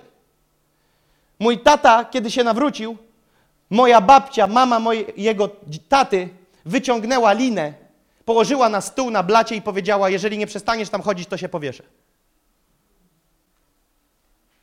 A kiedy moja mama wróciła do domu i jej rodzice dowiedzieli się, że się nawróciła, wszystkie jej rzeczy leżały, ubrania rozwalone na klatce, nie w torbach, rzucone ciuchy na klatkę. Nie macie już u nas. Out. Bo 30 lat temu, jak wychodziłeś z układu katolickiego w mieście o 16 tysiącach mieszkańców, to byłeś wariatem. A moja babcia i dziadek ze strony mojej mamy to ikony katolicyzmu w naszym małym miasteczku. Moja babcia zasuwała dwa razy dziennie, ona prawie upała jak muzułmanie. I teraz nagle jej curunia, która miała być kolejnym moherowym beretem, wyszło, że nie będzie moherowym beretem, bo się nawróciła. Rozumiecie?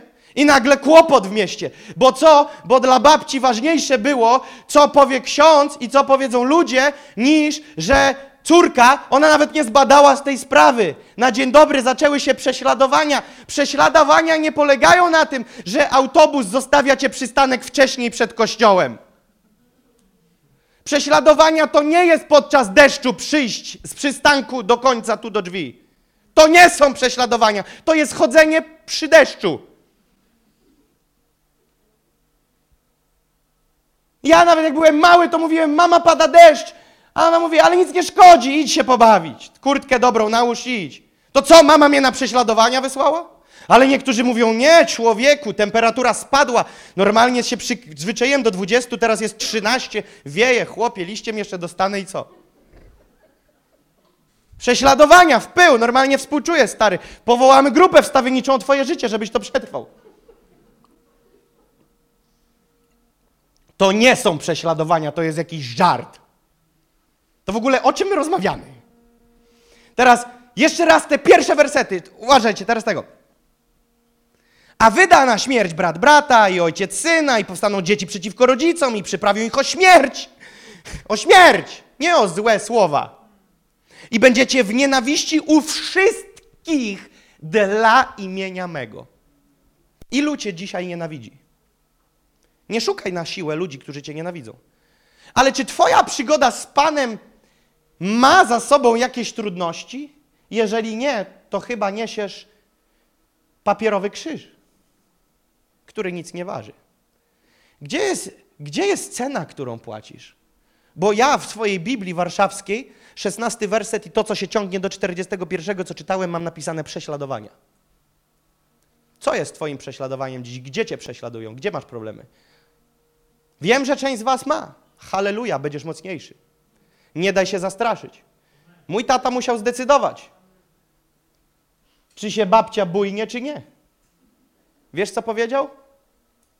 To jest tylko zastraszenie. Ona jest marionetką wroga w tym momencie. A wróg wie, jakie jest powołanie nad jego życiem. Pastorem jest. 20 ponad 5 lat. Wiesz, czego chciał diabeł nie dopuścić? Aby on był pastorem, więc wiesz, co zrobił? Mamusia przyniosła linę i rzuciła na stół. I wiesz, co jest najgorsze? Że wielu by ci doradziło, nie no, dla życia swojej mamy, odpuść. Ble, ble, ble.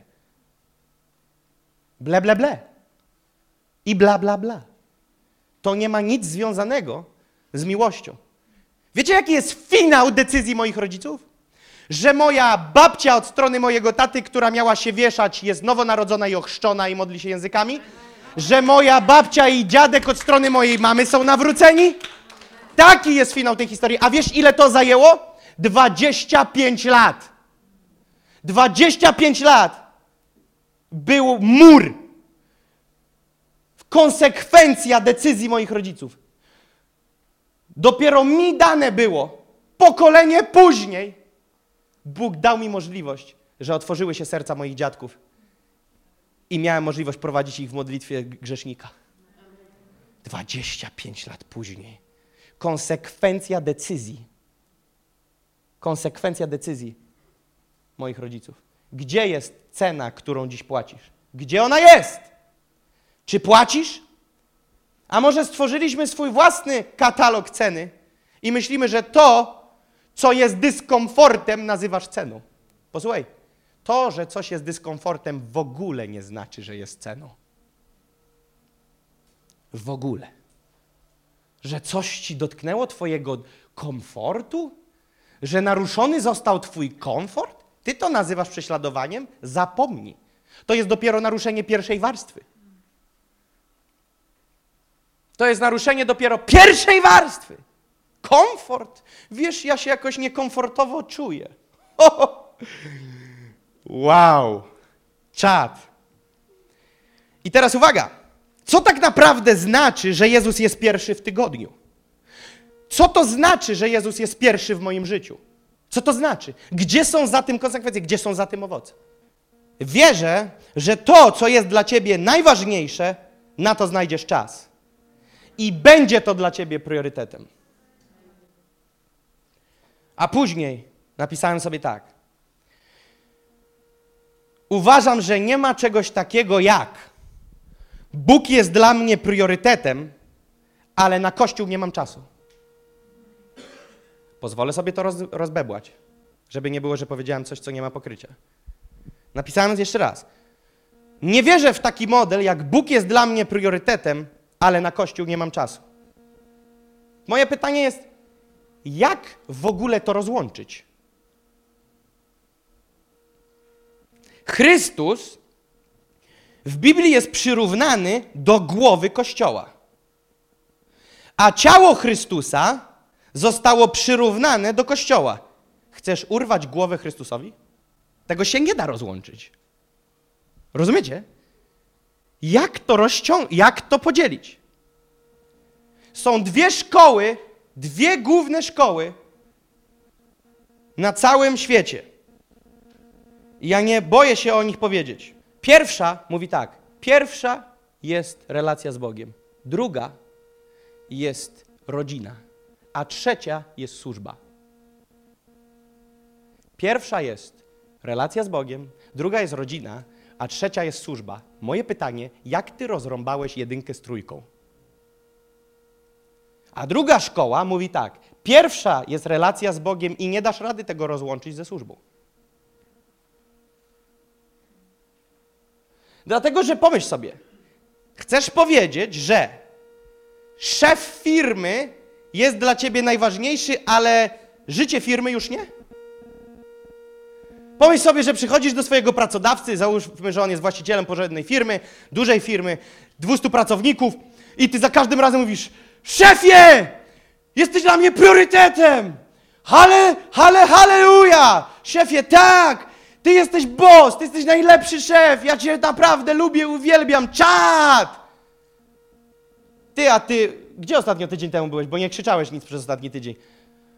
A nie, wiesz, bo ja tak do pracy to czasu nie mam przychodzić, ja tylko ciebie jako szefa firmy lubię, ale nie każ mi do pracy chodzić.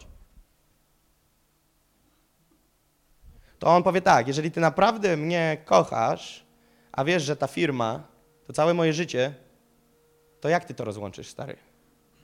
Jeszcze będąc pracownikiem tej firmy. Jeżeli kochasz głowę, to i kochasz jego ciało. Nie możesz powiedzieć, mam czas dla Boga, ale nie mam czasu dla Kościoła. To się nie da rady spiąć. Nie udowodnisz mi żadnym wersetem biblijnym tego, te, tego klimatu. Nie przebijesz tego. Żadnym. I to jest, gdzie faryzeusze nie, nie, nie, nie, nie, nie. Kolejny gwóźdź nam zadał. Jak? Jak? Teraz pomyślcie, co za tym się kryje. Więc powiedz mi, na czym polega to, że Jezus jest pierwszy w Twoim życiu? Rozbierzmy to. O! Jesteś moim Panem. No dobra, ale w czym się to przejawia? No jak to w czym? No, no jesteś dla mnie wszystkim. No dobrze, ale w czym się to przejawia? No jak to w czym? Co to w ogóle za pytania? No takie, żebyś odpowiedział. No jak to w czym? No słuchaj, no. No jesteś top! Fajnie, dziękuję, że mówisz, jaki jestem, ale teraz wytłumacz mi, co to dla ciebie znaczy i jaki to ma wpływ na to, że, że ktoś może to zobaczyć. Czym się różni Twoje życie jako tego, który ma na jedynce Jezusa Chrystusa, według ciebie, od tego, który ma Jezusa na siódmym miejscu w swoim sercu. Rozumiecie? Jeżeli będziesz miał taki sam owoc, taki sam wymiar namaszczenia, taki sam wymiar relacji z Bogiem i taką samą częstotliwość chodzenia do kościoła, no to gdzie, wytłumacz mi, na czym polega patent? Je, Jakub, my lubimy Twoje przesłania o płaceniu ceny. Ja mówię, dobra, ja mam nadzieję, że będziecie płacić. Bo ja nie mówię o tym, żeby one fajnie brzmiały, tylko żeby cena była płacona. Aby cena była płacona. Więc czym jest ta cena? Odpowiadaj sam sobie. Niech nikt nie, nie odpowie głośno. To jest tylko dla ciebie trudne pytanie. Czym jest ta cena? Na czym ona polega? Gdzie, gdzie ona jest? Jak ją policzyć? W którym miejscu ty krwawisz? W którym miejscu umierasz dla samego siebie? W którym miejscu zmieniasz priorytety? W którym miejscu się coś zmienia? W którym miejscu żyjesz inaczej? Nie mów mi o tym, że nie chodzisz na dyskoteki i nie palisz, bo znam mnóstwo ludzi, którzy wierzą, że Boga nie ma i nie palą i nie chodzą na dyskoteki. Więc to dla mnie nie jest żaden wyznacznik. Nie mów mi o tym, że nie palisz, nie pijesz, bo znam wielu ludzi, którzy nie mają nic do czynienia z Bogiem i nie palą i nie piją. Gdzie jest cena? Co to znaczy? Myślicie, że to były przenośnie z tym córką, synem, matką, tatą, siostrą, bratem? Myślicie, że Jezus tam mówi, ale później wam w domu powiem, że chodziło tylko o trudnego szefa, o trudną sytuację i tak dalej. Nie myślcie, że tam ktoś chce, żebyście zmienili jakiś układ w rodzinie. Nie, nie. Czy to znaczy, że mamy nie szanować swoich dzieci, szano, nie szanować swojego męża, nie szanować swojej żony, nie szanować swojej pracy, nie szanować swojej roli, nie mieć swojej roli? Nie. To to nie znaczy. Ale teraz posłuchaj. Kiedy ustanowisz Jezusa ponad to, wtedy będziesz bardziej podobny do Niego i będziesz mógł piękniej służyć w tych obszarach. I wtedy naprawdę okażesz miłość swojej żonie, swojemu mężowi. Zauważyłem, że zawsze dla kogo mąż lub żona są bożkiem, schodzi tam przekleństwo w te małżeństwo. Bo ci, którzy mają kontakt z bałwochwalstwem, Biblia mówi, mają kontakt z demonami. A bałwochwalstwo to jest czczenie, nie kłanianie się, tylko czczenie, kochanie kogoś lub czegoś bardziej niż Boga. Gdzie jest bałwochwalstwo, tam są demony. Werset taki jest w Biblii. Bałwochwalstwo w parze idzie z demonami. Widzicie, jak wyglądają rodzice, dla których dziecko jest bożkiem? O Boże, kasznął wczoraj. Nie będzie nas przez tydzień w kościele. I módl się o nas, człowieku, paraliż nas dopadł. Kasznął. O, człowieku, to masz kłopot. Odkurz w domu i nie będzie kaszlał. Och, mój skarbek. I nagle twój skarbek nie pozwala ci przyjść do kościoła, twój skarbek nie pozwala ci poczytać Biblii, twój skarbek nie pozwala ci zamknąć się w komorze, twój skarbek nie pozwala ci na uwielbieniu swobodnie uwielbiać Pana, twój skarbek powie ci, że on nie chce iść na szkółkę i ty go zostawisz, rozrąbiesz całe spotkanie, ale to nic, bo skarbek chciał zostać. Nie są to bożki. Dzieci nie są bożkami. Mąż i żona nie są bożkami. Twoje relacje, twój chłopciuś, dziewcięcia, to nie są bogowie. Są puste dzbanki jak ty i ja. Potrzebujemy tak samo Pana. Tak samo. I to, co czynisz jedynką w swoim życiu, ściągasz na to kłopoty, mówię ci. Bo zaczynasz darzyć tego kogoś lub to coś nieodpowiednią miarą czci. I będzie kłopot. Znam mnóstwo przypadków, to bym mógł wymieniać do jutra rana, ciągiem. Ludzi, którzy opuścili Kościół. Tylko dlatego, że z mężusiem i żoną nie było kiedy się spotkać. Moje pytanie jest, gdzie jest cena? Na czym polega ta cena? Dotknąłeś linii ceny? Chłopie, a co z tym tematem, że jak będą cię mieli wszyscy w nienawiści? Co jak będą cię skazywali na śmierć? Co jak wezmą cię na biczowanie? Co jak wezmą cię pod radę? Chłopie, ty na pierwszym egzaminie nawaliłeś. Ale później mówisz, Panie! Wierzę w wielkie rzeczy! Ale jakie wielkie? W którym obszarze Twojego życia? Gdzie? Bo ja nie rozumiem. I teraz zobaczcie, co tam jest napisane. Kto stara się zachować życie swoje, straci je. Pomyśl sobie, w którym miejscu swojego życia, czy tam, czy tu, czy jeszcze gdzie indziej. W którym miejscu ty przekroczyłeś tą granicę, że zacząłeś tracić swoje życie dla Niego, a w którym miejscu trzymasz kurczowo swego życia. Ono jest dla mnie najważniejsze. Czy jest ekipa z Torunia dzisiaj? Jest ekipa z Torunia? Jesteście. Dla mnie to są wariaty. Wiecie, że oni są w naszym kościele od czterech miesięcy i są z Torunia i przyjeżdżają na wszystkie spotkania?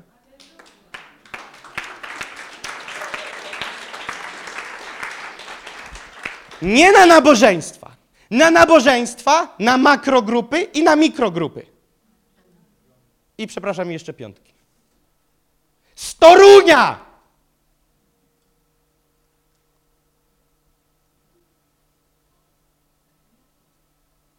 Ile jest do Torunia? 184. W dwie strony 368.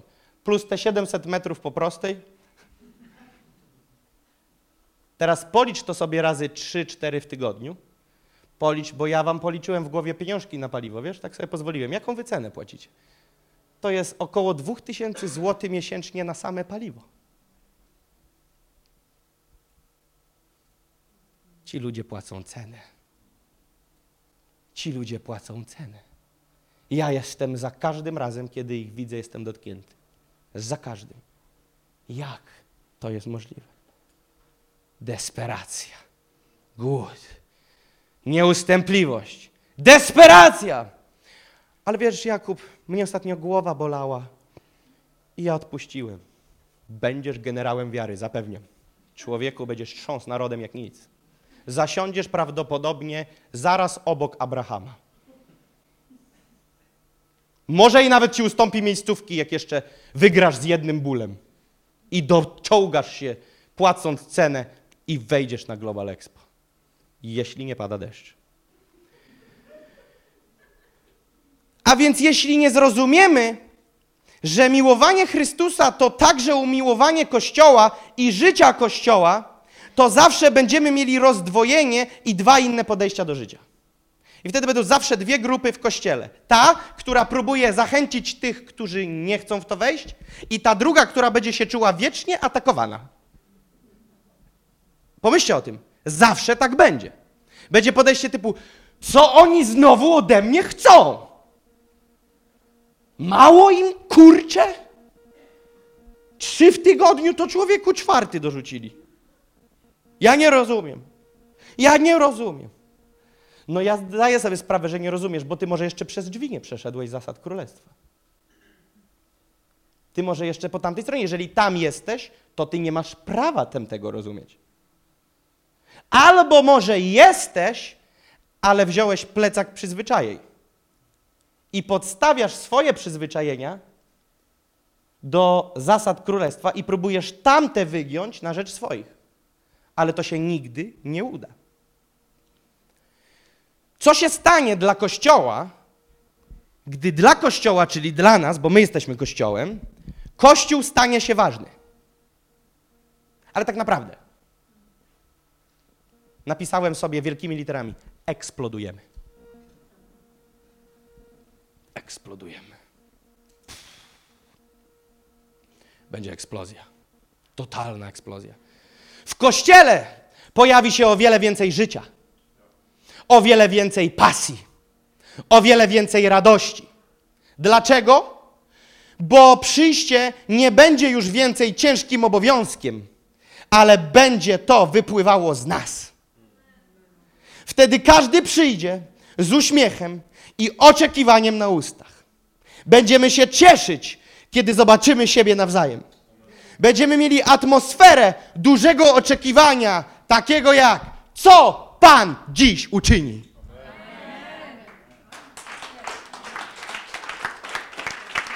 Ale kiedy myślisz, że te spotkanie to kolejny pomysł tego młodego wariata z Gołdapi, to przyjdziesz na moje wezwanie, a nie Boże, i będzie Co on nam znowu powie? Co jeszcze? Co jeszcze nam powie, że źle? Co jeszcze nam zarzuci na plecy? Co jeszcze wymyśli szalonego? Może kurczę Sylwestra wymyśli, że zrobimy.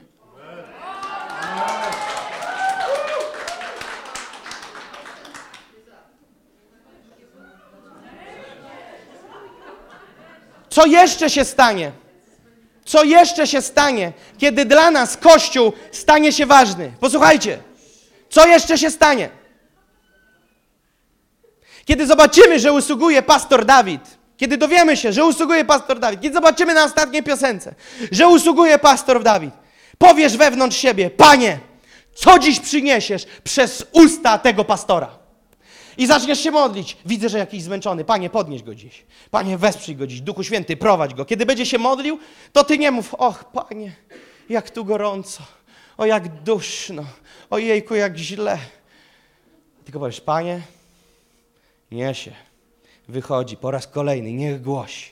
Prowadź go, Panie, jego usta niech staną się Twoim instrumentem, niech dziś głosi, Panie. Nawet jak się pomyli, nawet jak coś nie wyjdzie, będę bić brawo, po to, żeby zatuszować tą lipę, bo nie zrobił tego celowo. Chcę stanąć po jego stronie i chcę, abyśmy razem szli do przodu. Ale kiedy przyjdziesz jak na skazanie, to będziesz siedził, mówisz, Panie, oby nie kolejny werset. Oby już więcej nie wymyślali. Oby już szybko zmierzył do... Och, spojrzał na zegarek, to dobrze, chyba się opamięta. Rozumiecie? Wtedy będzie towarzyszyć nam coś takiego, jak atmosfera przed i po spotkaniem. Kilka razy wszedłem na salę P1 przed spotkaniem. Tam jest jak w domu starców. Albo i gorzej. Tam jest smutno. Jak przyjdzie ktoś nowy, usiądzie sam, w promieniu 30 metrów nie ma nikogo. I przyjdziemy wszyscy, bo dzwon wybił 3 po 11.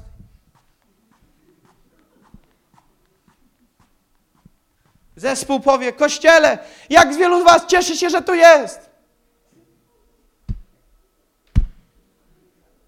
Jeszcze raz, jak wielu się cieszy, że tu jesteście. tak, bardzo.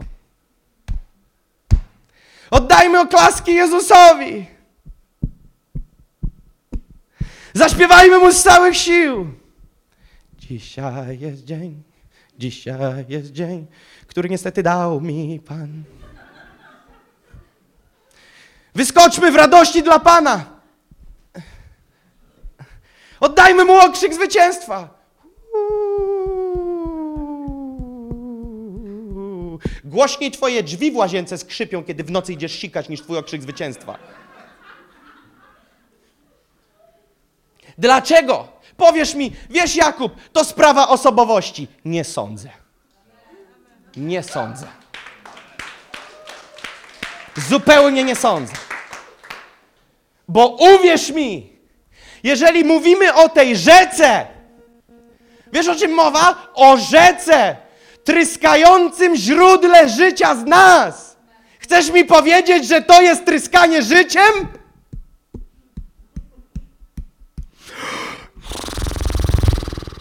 To jest tryskanie życiem?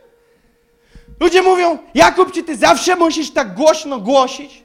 A czy ty myślisz, że ja jestem maniakiem startego gardła? Nie, ale ja nie potrafię mówić bez emocji o tych rzeczach. Ja nie potrafię. Ja nie potrafię wyjść na This is our time i powiedzieć, zaśpiewajmy wszyscy jeszcze razem. Ło, ło. Ja wiem, że zrobiłem z siebie wariata i mi to wisi, bo ja chcę się odpalać dla Pana. Pewni ludzie powiedzieli, nie pozwól, powiedziała to Stefani Gretzinger, nie pozwól, aby sposób, w jaki uwielbiasz, był w jakikolwiek sposób impulsowany tym, co pomyślą o tobie inni. Ale z drugiej strony myślę, że warto dotknąć większego problemu. Zanim będziemy się wszyscy zastanawiać, czy wychodzimy jak wariaty, niech zacznie się coś dziać. Tylko widzisz, mi nie chodzi o sztuczne, ha, halleluja. Mi nie chodzi o jakieś sztuczne podrygiwanie, jak pod respiratorem. Ja chcę powiedzieć, że jak pójdziesz pod źródło mocy, pójdziesz do alfy i omegi, Pójdziesz i spotkasz się z Panem, zobaczysz, kim On jest, załapiesz objawienie, że mowa jest o Panu zastępów, zrozumiesz, że to jest Pan, który ma zastępy, że to jest król chwały, a kiedy Mojżesz wszedł na górę, to mu się buzia zaczęła świecić i se zasłonkę musiał zrobić, bo ludzie na dole nie mogli wytrzymać tego, że jak on schodził, to się świeciło. Ty myślisz, że on schodził tam jak głuchoniemy? On błyszczał chwałą. A później mówimy, cała chwała mieszka w nas. Serio? Ty chyba se jaja robisz. Tam nawet depozytu nie ma, stary. Gdzie jest ta chwała? Gdzie jest przejaw tej mocy? I widzicie, niech nikt z was przenigdy nie robi nic sztucznego. Ale zastanów się nad tym, jeżeli stoisz jak falochron, to coś jest nie tak. Jeżeli twoje uwielbienie jest jak falochron, powiesz Jakub, nie wszyscy mamy 28 lat, nie wszyscy jesteśmy po sporcie, nie wszyscy mamy gibkie mięśnie, nie wszyscy umiemy skakać. Ja cię nie proszę, żebyś ty się gibał 45 minut. Ale nawet twoja mimika wyglądasz, jakby z ciebie wypompowywali życie. Normalnie jakby ci strzykawą coś zabierali. Masz wyciek, stary. Wyciek życia. Co się dzieje? Gdzie ono jest? Gdzie to życie? Wiesz, czego brakuje? Bożej mocy w Twoim życiu. Bożej mocy w Twoim życiu. Nie chcę powiedzieć, że uwielbienie to skakanie i machanie się, ale chcę powiedzieć, że jeżeli chodzisz pełen życia i mocy, to to bije, nawet jakbyś przyjechał na wózku inwalidzkim, bije z Twoich oczu. To będzie biło z Twoich oczu. Chcesz mi powiedzieć, że jesteś świątynią Ducha Świętego, ale ta świątynia jakoś taka zabrudzona i nie oddaje blasku? Musisz wydać temu wojnę. A jeżeli, jak zwykle będziesz chciał, naprostować zasady królestwa na swoją stronę, przegiąć to, to powiesz, ale ja już taki jestem. Masz coś do tego? Stary, no ja personalnie nie, ale to się nie spina z zasadami. Bo, a, a powiesz, a dlaczego? A ja ci bardzo prosto wytłumaczę. Jak zadajesz sobie pytanie dlaczego, to znaczy, że nic nie kumasz. Wiesz dlaczego? Powiem ci dlaczego. Bo zrozum, gdybyś był dojrzałym chrześcijaninem, to byś wiedział, że to, jak się zachowujesz, ma wpływ na tych, którzy przyjdą pierwszy raz.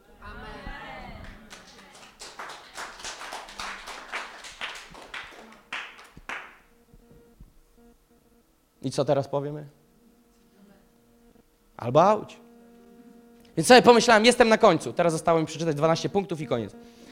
Ale nie, teraz już takie małostkowe rzeczy. Wierzę, że powinniśmy wszyscy, wszyscy, wszyscy na wszystkie spotkania przychodzić z notatkami. Dlaczego? Gdzie ty, Jakub, mi udowodnisz, że z notatkami trzeba przychodzić do kościoła?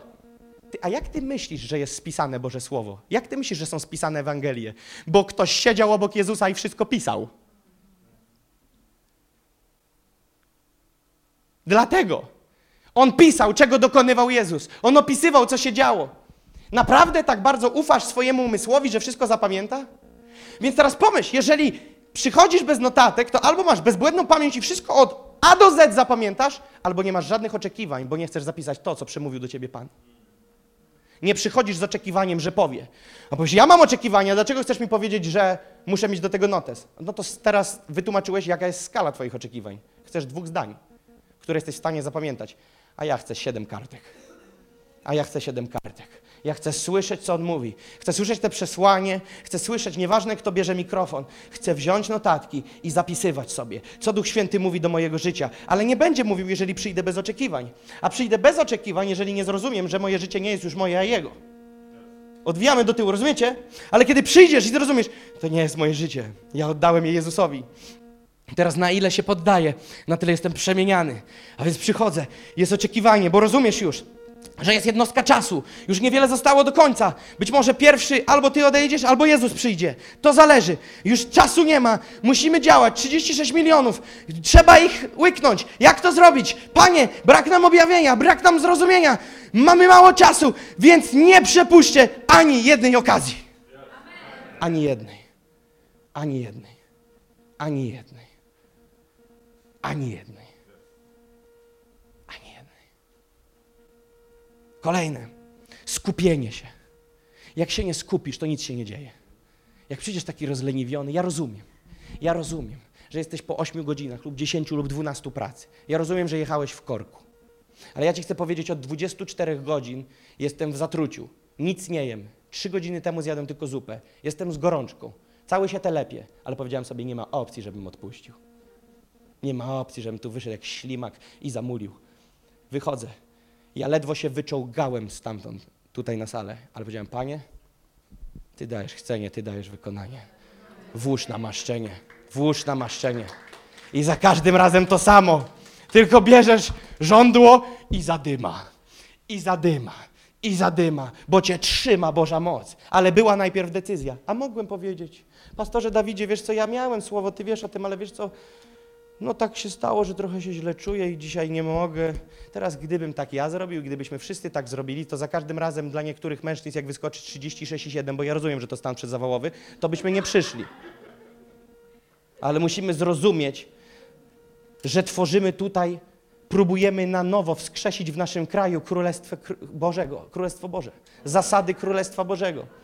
I co to tu przychodzą ludzie i mówią, o, tu to, a tu tamto, ale my nic staramy się swojego nie tworzyć, my chcemy naśladować to, o czym Biblia mówi. O, a sko- o to oni tam, wiesz, w nofie mają to i tamto. Ty, ale ja naprawdę chcę dojrzewać. Jeżeli coś robimy, co nie jest Boże, chcemy to wywalić. My nie chcemy tworzyć kultury now. My chcemy, aby kultura now była spójna z kulturą Królestwa Bożego. Kolejne, pobudzanie się. Widzisz, że w korytarzu ktoś idzie, ledwo wlecze nogami. Podejdź, powiedz, hej, jak się masz? Wszystko w porządku, widzę, że coś ten, nie tego. Pomóc jakoś? Czasami nawet dwie wymiany zdań kogoś podniosą na duchu.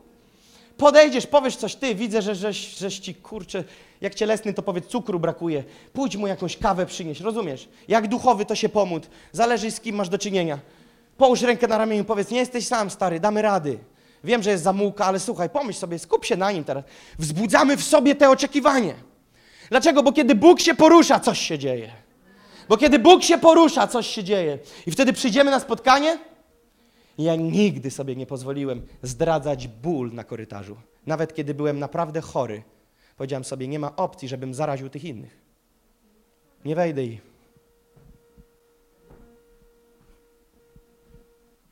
źle się czuję. Ale byście po kazaniu wyszli naładowani. Wiecie, bracia, dzisiaj chciałbym wam powiedzieć, że doświadczam tego, czego Paweł. W bólach, w bólach zradzam was, moje dzieci.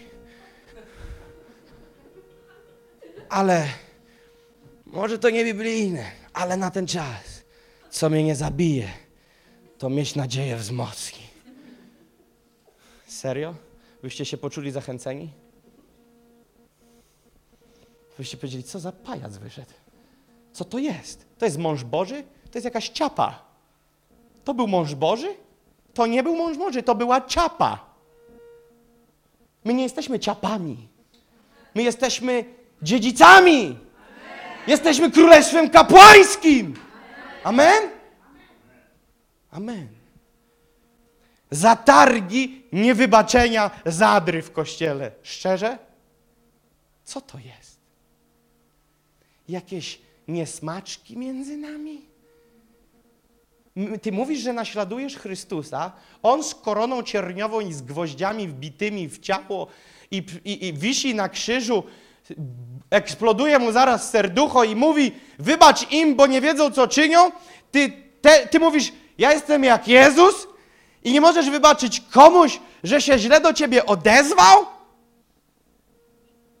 To ty nawet nie przypominasz Jezusa. Pomyśl sobie, oni go zabili, a on ostatnim słowem powiedział: Wybacz im, bo nie wiedzą, co czynią. I to był model do naśladowania. I to był model do naśladowania. I on powiedział: Naśladuj mnie, naśladuj mnie, naśladuj mnie, naśladuj mnie. To był model do naśladowania. Coś cię dotknęło, ktoś ci nadepnął nacisk i ty teraz dwa tygodnie musisz to przejeść? Co to jest? To tak świat żyje. Próbuje zapomnieć. Czas leczy rany. Już wam mówiłem, to jest list do Herezjan. Szósty rozdział, 66 wers. Czas nie leczy ran. Czas tą traumę powiększa.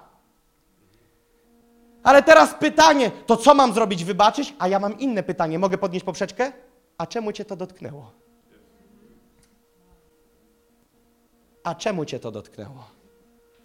Wlazło w ciebie? Cokolwiek ktoś powie, w ciebie wchodzi?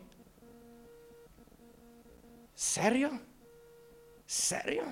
Ktoś ci coś powiedział i ty teraz masz bitwę, czy wybaczyć, czy nie, a ja ci chcę podnieść poprzeczkę. A czemu to w ogóle jakikolwiek wpływ miało na ciebie? Do mnie regularnie, nie powiem wam co ile odstępów czasu, ale przychodzą ludzie przeprosić. Stąd, z innych miejsc. Piszą listy, maile, przepraszam, to i tam. A niekiedy, kiedy mam ludzi jeden na jeden, wybacz mi Jakub. Ja mówię, ty, ale co? Bo ja wiesz, robiłem to i to i to i to i to i, i to. Okej, dzięki. Piona. Biegniemy razem. I to tak już? Ale co, co ja mam teraz? Aha, poczekaj, to ja się kurczę rozkroję teraz. Zobacz, co mi zrobiłeś, bandyto jeden. Teraz krwawie. Dotknąłaś sługi Bożego, teraz Pan cię skaże. Wybierz sobie karę. A ja ją moim sygnetem zapieczętuję. Co to jest? Czemu cię to w ogóle dotyka? Proces wybaczenia, teraz posłuchaj tego.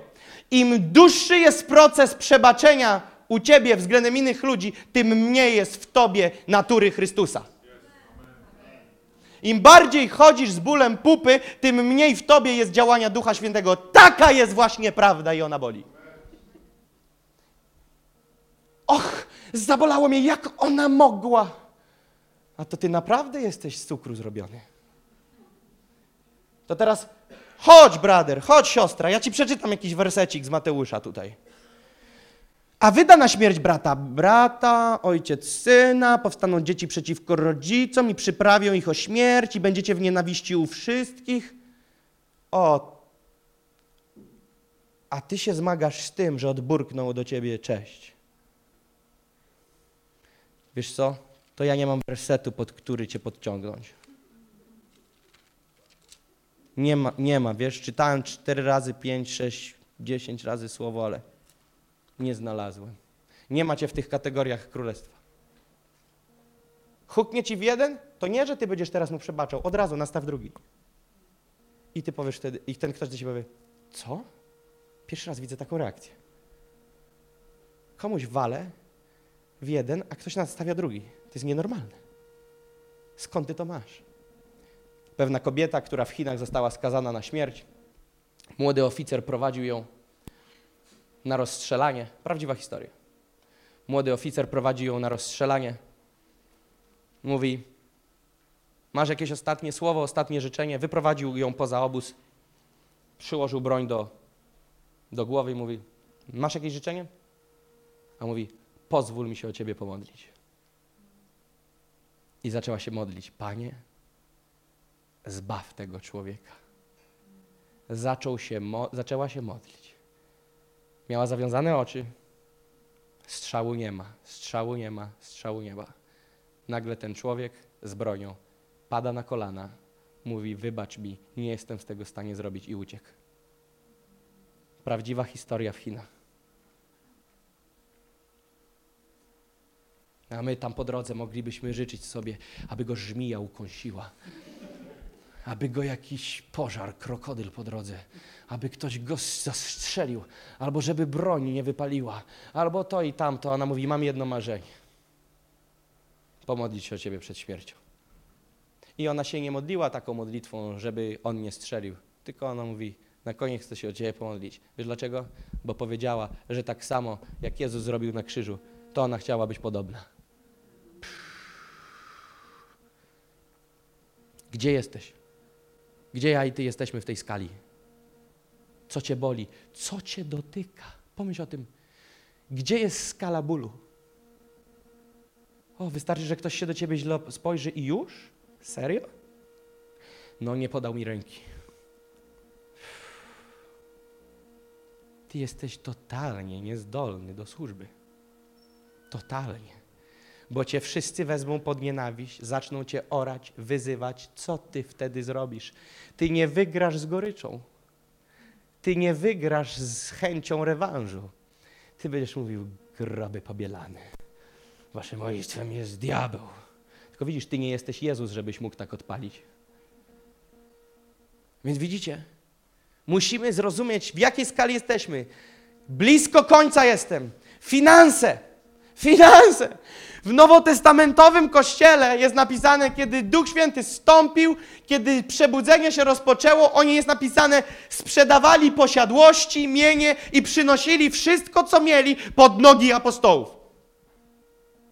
Nie no, ale to było wtedy. Ja wiem, że można tak wszystko podciągnąć, to było wtedy. Czy ja przez to próbuję powiedzieć, że w Nofie wszyscy mają sprzedać dom? Nie, bo mamy postępować na miarę wiary. I nie wiem, czy ktoś byłby gotowy na taki ruch. Nie wiem, ale oni byli. Ale oni byli. Więc finanse. Chcesz mi powiedzieć, że Bóg jest na pierwszym miejscu w Twoim życiu? Twoje całe życie należy do Niego, czyli Twój portfel i zasoby? Ale jedyne, z czym się zmagasz, to jak dorównać do dziesięciny? Ludzie mówią, wiesz, dziesięcina to wymysł Starego Testamentu. Ja mówię, zgadzam się, tam się to zaczęło. Jak chcesz tak w tą stronę iść, to w Nowym Testamencie setka. Bo tam dawałeś z pierwocin, a tu wszystko należy do Niego. To wybierz sobie, przyjacielu. Bo tam się dawało z pierwocin, a tu jest akcja taka, wszystko. No to dziesięcina od Pana, czy nie od Pana? Ja mówię, słuchaj, jeżeli stówę jesteś w stanie odpalić, to dziesięcina to napiwek. Czy ja wprowadzę prawo w kościele, trzeba dawać dziesięcinę? A co ja, Mojżesz jestem, żebym prawo wprowadzał? Poczytajcie Biblię i zobaczycie, co tam jest napisane. W jedynym tylko aspekcie Bóg mówi, wypróbuj mnie. Jest tylko jedna dziedzina życia, w której Bóg powiedział, wypróbuj mnie, a, nie, a zobaczycie, czy nie okaże swojej wierności. W jednej rzeczy tylko to powiedział, w finansach. W niczym innym Bóg nie powiedział, wypróbuj mnie, a zobaczysz, że będę wierny. To jest jedyna dziedzina życia, w której Bóg na piśmie powiedział: Wypróbuj mnie, a zobaczycie, okaże się, czyż nie jestem wierny w tej sprawie? Innymi słowy, on ci daje gwarant: siejesz, zbierasz. On mówi nie tylko obietnicę, siej i będziesz zbierał, on mówi: wypróbuj, że to działa. I chcę wam powiedzieć, w moim życiu działa. W moim życiu działa niesamowicie. A to ile chcesz zbierać? A no to zależy, ile będziesz dawał. I teraz chcę powiedzieć, że jeżeli Jezus jest dla ciebie najważniejszy i Kościół jest dla ciebie najważniejszy, to zrozumiesz, że potrzebujemy zalepić potrzeby Kościoła także finansowo. Aspekt finansów jest nierozłączny w prowadzeniu i wzroście Kościoła. Finanse stoją na ogromnej przeszkodzie do realizacji celu zawsze wszędzie. Zawsze. Często ludzie się śmieją, jedyne czego nam brakuje to pieniędzy. Mamy wizję, mamy plan, mamy to, tamto, siamto, wamto, ale kasy brak. I powiedziałem kiedyś takie zdanie. Nie możemy jechać w kościele na wieżę tylko części ludzi. To jest niezdrowe. Niezdrowe jest, kiedy niektórzy się wykrwawiają ponad normę, a inni nie przekraczają tej granicy ceny. Jest to nie. Okay. Jest to nie fair względem Kościoła, względem tych ludzi, którzy się wykrwawiają i względem tego, w co wierzysz. Bo mówisz, że to jest dla mnie najważniejsze, że mój Kościół, kaman, życie za nie oddam, a Biblia mówi, jeżeli w najprostszej sprawie, w mamonie, w pieniądzach nie okazaliście się wierni, Bóg mówi, jak mogę powierzyć wam rzeczy większe? Jezus do najmniejszych rzeczy, jakie przyrównał jako test pierwotny dla wierzących, to jest pieniądz. Powiedział, jeżeli w najmniejszej i w tej prostszej rzeczy, w mamonie nie jesteście wierni, to jak ja wam powierzę rzeczy większe? To są słowa Jezusa. Jak? Jak? I teraz słuchajcie, ktoś powie, ale Jakub, o co chodzi? Za wszystko płacimy, ale nikt was nie wie, ile to jest rodzenia. Ile to jest presji finansowej, ile to jest, ile to jest ciężaru, ile to jest odpowiedzialności. Ile to jest na plecach ciężaru nałożonego. Nie macie zielonego pojęcia. Nikt nie chce tych butów. Gwarantuję wam. I teraz my musimy nieść ten ciężar razem. Wspólnie. Łatwo jest wsiąść do pociągu sukcesu, ale nie dokładać węgla do lokomotywy. I siedzieć i machać do przechodniów i mówić, tak, ja siedzę w tym pociągu. A moje pytanie, czy wrzucasz trochę węgla? Bo tam jeden to już buty zdejmuje i wrzuca, bo już nie ma co wrzucać. a ty machasz przez okno, ale może dosyć tych oklasków zbierania od publiki. Ja wiem, że wielu, ja też jestem z tego dumny. Ja jestem znowu człowieku. To my robimy TIOT. To my zrobiliśmy. I, i, wiesz, I to jest dobre. Bądź dumny z tego miejsca. Bądź dumny ze swojego kościoła. To jest dobre. Bądź dumny. Ale moje pytanie jest, czy ty partycypujesz w obciążeniach? Czy partycypujesz w tym, co się dzieje? W którym miejscu jest ten koszt poniesiony? Czasu, sił, talentu, finansów. Gdzie serce, tam skarb, gdzie skarb, tam serce. Wiecie o co chodzi? Więc mówisz, tak, chcę, żeby się ten kościół rozwijał, będę się o niego modlić, ale uwierz mi, za modlitwą Bóg ci wzbudzi miłość do tego miejsca i świadomość potrzeb tego miejsca. Znam niektórych z Was, którzy nie bali się tego powiedzieć i ukryć. Niektórzy z Was przekroczyli w skali roku po 100 tysięcy wrzutek na ten kościół. Na głowę. Na głowę. Wiecie dlaczego? Bo leży Wam w sercu dobro tego miejsca. Bo nie dajecie z tego, co zbywa, ale płacicie cenę. I mówicie tak, moje dobro to dobro tego miejsca. Te miejsce cierpi, ja cierpię. Przywódcy są pod presją finansów, ja na to nie pozwolę. Wyłożę. Będę wspierać. Nikt nikomu nie patrzy na liczby, nikt nikomu nie patrzy w portfel, ale Bóg patrzy na serce. Jeżeli ty w tym partycypujesz, to uwierz mi, za tym idą i finanse. I chciałem powiedzieć to, że nasze rekordowe ofiary w kościele padały nie na zbiórce na kościół, ale na zbiórkach na mówce. Nie jest to właściwy balans. Dlaczego? Dlaczego? Bo mówców ubłogosławimy, a dom tonie. Wykrwawimy się na ludzi, a Kościół kto wytrzyma? Kto to utrzyma? No, bracie Jakubie, ty masz wiarę. No tak, ale my jesteśmy razem na tym statku. My jesteśmy razem na tym statku. Chcę przypomnieć, 250 tysięcy co miesiąc na to wszystko, na tą imprezę. To jest jakiś absurd, ta, ta kwota. To jest rzeźnia. Ludzie mówią, jak ty nie się wiesz? Ja mówię, stary, jest tylko jedna opcja. W cieniu skrzydeł Pana się chowam, bo inaczej to bym zwariował. To bym zwariował totalnie. Kilka dni temu na koncie fundacji mieliśmy 14 tysięcy. A nie zapłacone jest za global za sierpień i wrzesień, bo nie wystawiają nam faktur zaległych. To dzięki Bogu, bo się wszystko spina. Jest czas na napełnienie spichlerzy. Rozumiecie? W jakim miejscu jesteśmy? I teraz powiesz, halleluja, przychodzę. I teraz pomyśl, jak to wygląda. Przychodzisz pięć po, wychodzisz za pięć, oceniasz, co się dzieje, smutkiem zarażasz innych, wprowadzasz atmosferkę taką jakąś dziwną. W ofierze partycypujesz jako akompaniament, czyli monetami. I wychodzisz i mówisz, jestem znowu. Uważaj, żebyś sobie żeber nie pobił. Jestem znowu. Ale w czym, w jakiej formie? Gdzie, gdzie jesteś w Nofie? Wojtek, który siedzi z tyłu? Pomachaj, Wojtek. W ogóle wiecie, że taki człowiek jest w kościele? Bo nigdy nie widzieliście, bo on na każdej niedzieli siedzi na zapleczu na live streamie. Są ludzie, którzy myślicie, że są pierwszy raz w kościele, a ich pół roku, rok już u nas są i oni jeszcze sali głównej nie widzieli. Bo orają w wolontariacie, bo orają w różnych służbach. Niektórzy już coraz bardziej dzieci na szkółce niedzielnej nazywają swoimi dziećmi, bo widzą częściej te dzieci z kościoła niż te swoje. Dlaczego? Bo nie ma wystarczającej liczby ludzi, którzy chcą wziąć na plecy ten ciężar. Tak, polepszyło się względem tego, co mówiłem 4-5 miesięcy temu, ale jest awaria, dalej jest przeciążenie w pył. Jest totalne przeciążenie.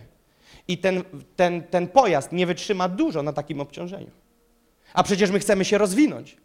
Więc wierzę, że finansami powinniśmy błogosławić. Pier, pierwsze co? Pierwsze co? Pierwsze. Nie misję, nie gości, swój dom. Swój dom. To powinien być priorytet. Czy to oznacza, że mówcę mamy wypuścić z torbami? Nie. Mamy też go błogosławić. Ale priorytetowo jest dom, bo później będziemy go słuchać na online, bo nie będzie gdzie przyjąć. Rozumiecie? Bo dom nam zabiorą. Ale mówcę ubłogosławiliśmy. No taki on ma teraz taką kamerę, że widzisz zmarszczki na jego twarzy. za, za, za tą ofiarę, a, a my słuchamy w domu, bo już kościoła nie ma. Znam wiele miejsc, które upadły i musiały zrezygnować ze służby, bo nie starczyło finansów. Dlaczego? Bo powinniśmy wziąć to na swoje barki, ale weźmiesz dopiero, kiedy poczujesz się naprawdę częścią tego miejsca. Honorowanie w momentum. Obiecuję wam, proszę, nie, nie, nie, nie spuśćcie stonu. Ja wiem, że jesteście zmęczeni, ja też, ale dajmy jeszcze chwilę. Honorowanie w momentum. Jest taki moment, ja o tym raz powiedziałem tylko. Jest moment, kiedy Duch Święty się w spektakularny sposób porusza i coś dzieje. Coś się dzieje. I w takich momentach często albo pastor Dawid, albo ja słyszymy, teraz ofiara. Jeżeli Kościół na to nie jest przygotowany, to powie, co, druga? W kościele w Rybniku, pastor Wojtek Walaszczyk, prawdziwa historia, mieli spotkanie, na którym żadnej ofiary nie ma. Nigdy na tych spotkaniach nie mieli ofiary. Nigdy. I nagle pastor się modli, Wojtek. Taka historia jest z tego, co wiem w jego książce, Pocałunek Nieba. Modli się i nagle obok niego, obok jego ręki ktoś mu wsuwa kopertę. I on myślał, że to może jest jakaś prośba modlitewna, może coś. Miał dobry czas z Panem, więc to odpuścił.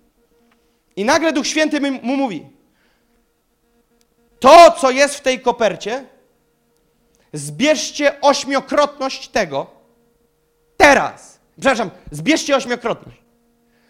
Pastor Wojtek dalej się modli, ale czuje przynaglenie, żeby sprawdzić, co w tej kopercie. W kopercie patrzy pieniądze. Obliczył, że, potrzeb, że ośmiokrotność tej kwoty to ponad 20 tysięcy złotych. Nie pamiętam dokładnych kwot, więc nie chcę gadać głupot, ale ponad 20 tysięcy.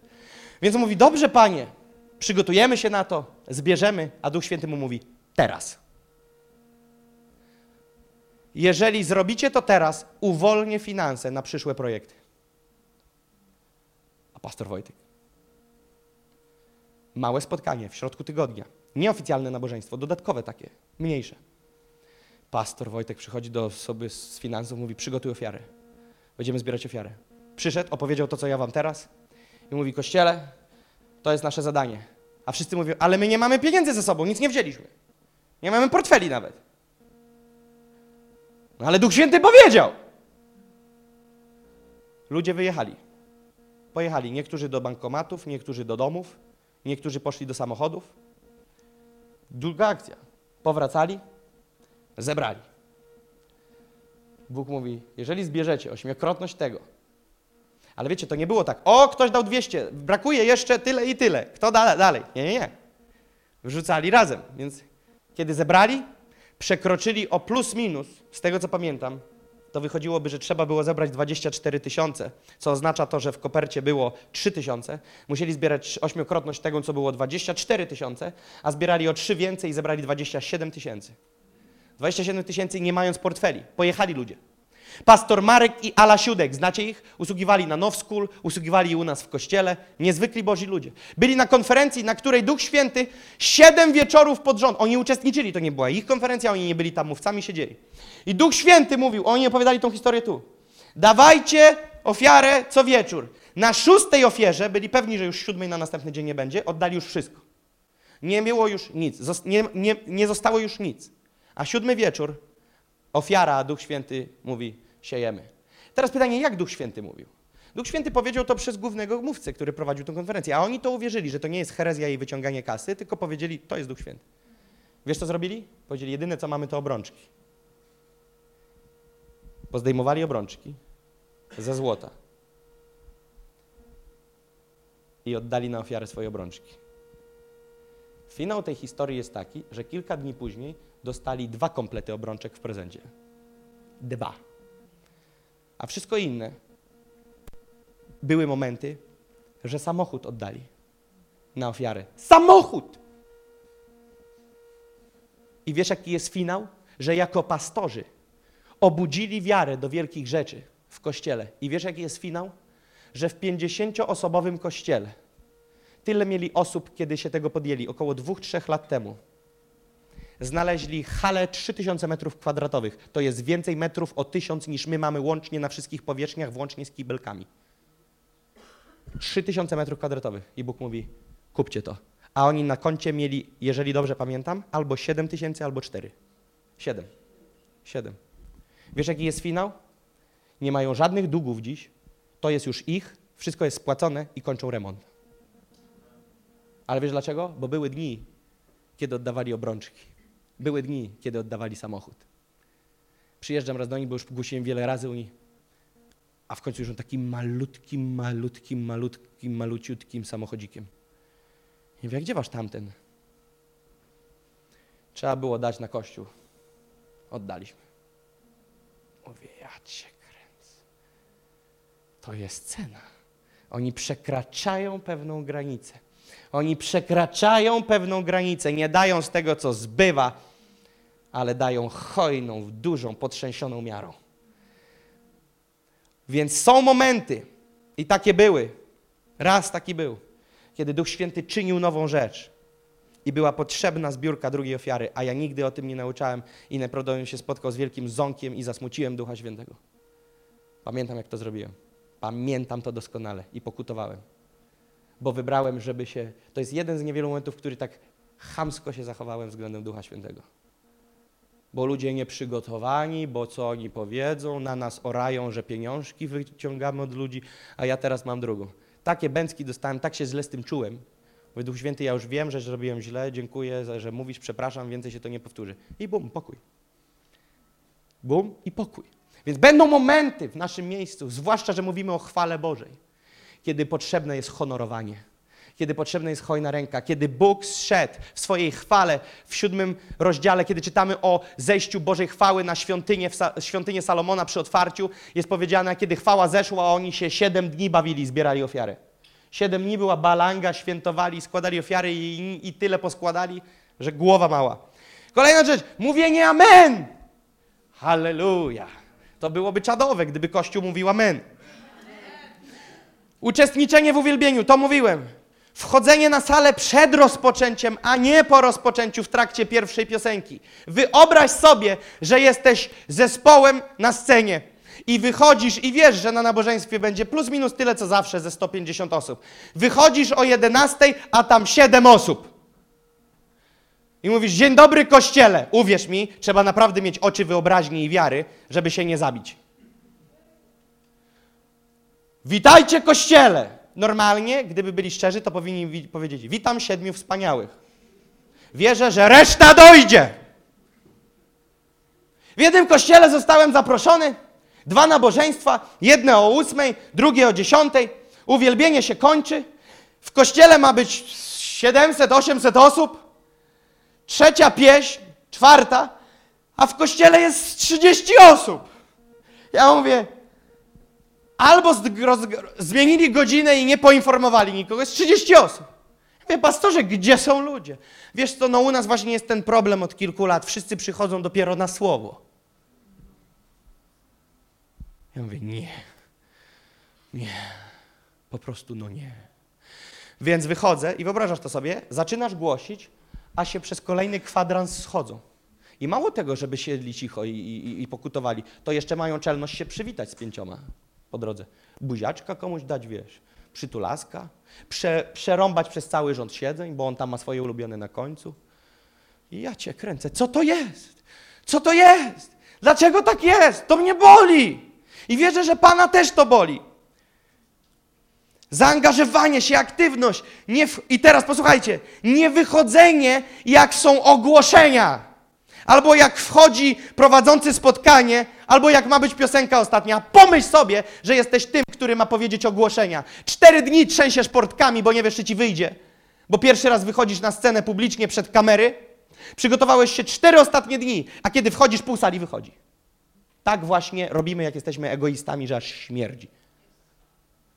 Teraz pomyśl sobie, ostatnią piosenkę. Wyobraź sobie, że w zespole jedna osoba nie śpiewała całego uwielbienia na froncie, na pierwszej linii i nagle na ostatnią pieśń ma zaśpiewać jedną pieśń. I nagle, kiedy przychodzi kolej ostatniej pieśni, trzy czwarte kościoła jest już w kawiarni. To teraz pamiętaj, co zbierasz, co siejesz, to zbierzesz. Kiedyś będziesz MC, będziesz kiedyś zapowiadający, wyjdziesz na salę, a wszyscy ci tyłkami pomachają i wyjdą. Ty się przewrócisz. Ty nie będziesz wiedział, co zrobić ci wytnie pewność siebie. Dlaczego? Bo nie myślimy przyszłościowo. Myślimy, że nasza kultura, nasze zachowania, nikt ich nie widzi, nikt na nikogo to nie wpływa, a uwierz mi, bardzo wpływa. Bardzo wpływa. A kiedy byś głosił, to byś chciał usłyszeć przynajmniej trzy razy od kogoś amen. Bo sobie myślisz, kurczę, głosisz godzinę 30 i ani jednego amen. Czy, ty, czy naprawdę z niczym nie było z czym się zgodzić? Z niczym tam nie było z czym się zgodzić, no chociaż z tym Sylwestrem. Rozumiecie? Ale z, nic? Wiesz, co znaczy amen? Amen znaczy niech tak będzie. Wtedy zgadza się twój duch i twój język. Mówisz, niech tak będzie. To znaczy amen. A wiesz, co znaczy aleluja? Pan uwielbiony, chwała Panu. Więc halleluja na uwielbieniu. Innymi słowy, zespół krzyczy halleluja! Więc mówi chwała Panu, a ty, aha. No nie, też halleluja! Życie jest, nagle jesteśmy żywym kościołem, a nie trupami. Co dalej się dzieje? To dotknął pastor Richard. A ja tylko przypomnę. Social media. Na Twoim profilu wszystkie kościoły, wszystkich mówców, ale nic znowu. Pomyśl o tym. Pomyśl o tym. Niektórzy to idą w przeginkę, rozumiecie? Siedem postów dziennie o nofie. Zażartuję sobie. Pachnie kultem już. Jak ktoś by przejrzał Twojego Facebooka. Z drugiej strony powiesz, nie no, jak coś w nofie się dzieje, to na pewno on wie. Ale teraz pomyśl, że jesteś sługą Bożym, kochasz Pana, należysz do kościoła now, robisz przebudzeniowe spotkania, a wszystkie twoje zdjęcia z twoim synem z ze spacerku w parku. Tym żyjesz. Tym żyjesz. Tym żyjesz. Tym żyjesz. Nigdy nikomu nie powiem, dlaczego nie wrzucasz nic na swojego Facebooka. Nigdy. Mówię tylko, że zadałem to pytanie kilku mężom Bożom i powiedziałem, słuchaj, czy to jest normalne, że ludzie będąc w jakichś kościołach zupełnie nic na swoich social mediach? On mówi, posłuchaj, prawda jest taka, social media są naszą okładką. Wstawiamy tam to, w co wierzymy, to, co lubimy i to, czym się szczycimy. Okej. Karmienie się czymś innym. Karm się, słuchaj, jest dużo fajnych nauczeń, ale musisz wiedzieć, gdzie jest twój dom. Teraz co? Wyciągniesz jakieś nauczanie z YouTube'a, przetłumaczone przez pana tłumacz.pl. Nie wiesz, czy się bujną, bo może nie znasz czeskiego, może nie znasz chińskiego, nie wiesz, co tam, czy przejęzyczył się, czy nie. Przyniesiesz jakiegoś, jakiegoś klimat dziwny i powiesz, to się nie spina z tym, co głosicie. Ty, ale powiedz mi, kim on tam jest? Czy masz go sprawdzonego? Czy są za nim owoce? Czy, czy, czy, ktoś może poświadczyć? Dzisiaj ludzie, wystarczy, że kupią kamerkę gratis do choinki na święta, kamerkę se kupi, nastawi kamerkę, wiecie, na 240p jakość i on jest apostol. Wiesz czemu nie apostoł, a apostol? Żeby był międzynarodowy dostęp. Apostol. Ale nie wiem, czy to jest apostol. Bo apostol to mocny zawodnik w ramach pięciorakiej służby. To mocne działo. A ty nic nie wiesz, ale fajnie głosi. Ale pytanie, czy to dla ciebie na tą godzinę? Czy masz tego właściwe interpretacje? Czy płynie to z twojego lokalnego domu? Nie, nie chcę powiedzieć, wyizolujcie się, bo znam takie kościoły. Nie macie prawa nic słuchać nigdzie indziej, tylko my mamy prawdę, prawdę i tylko prawdę. O kurczę, monopol na przebudzenie. Nie, nie mamy.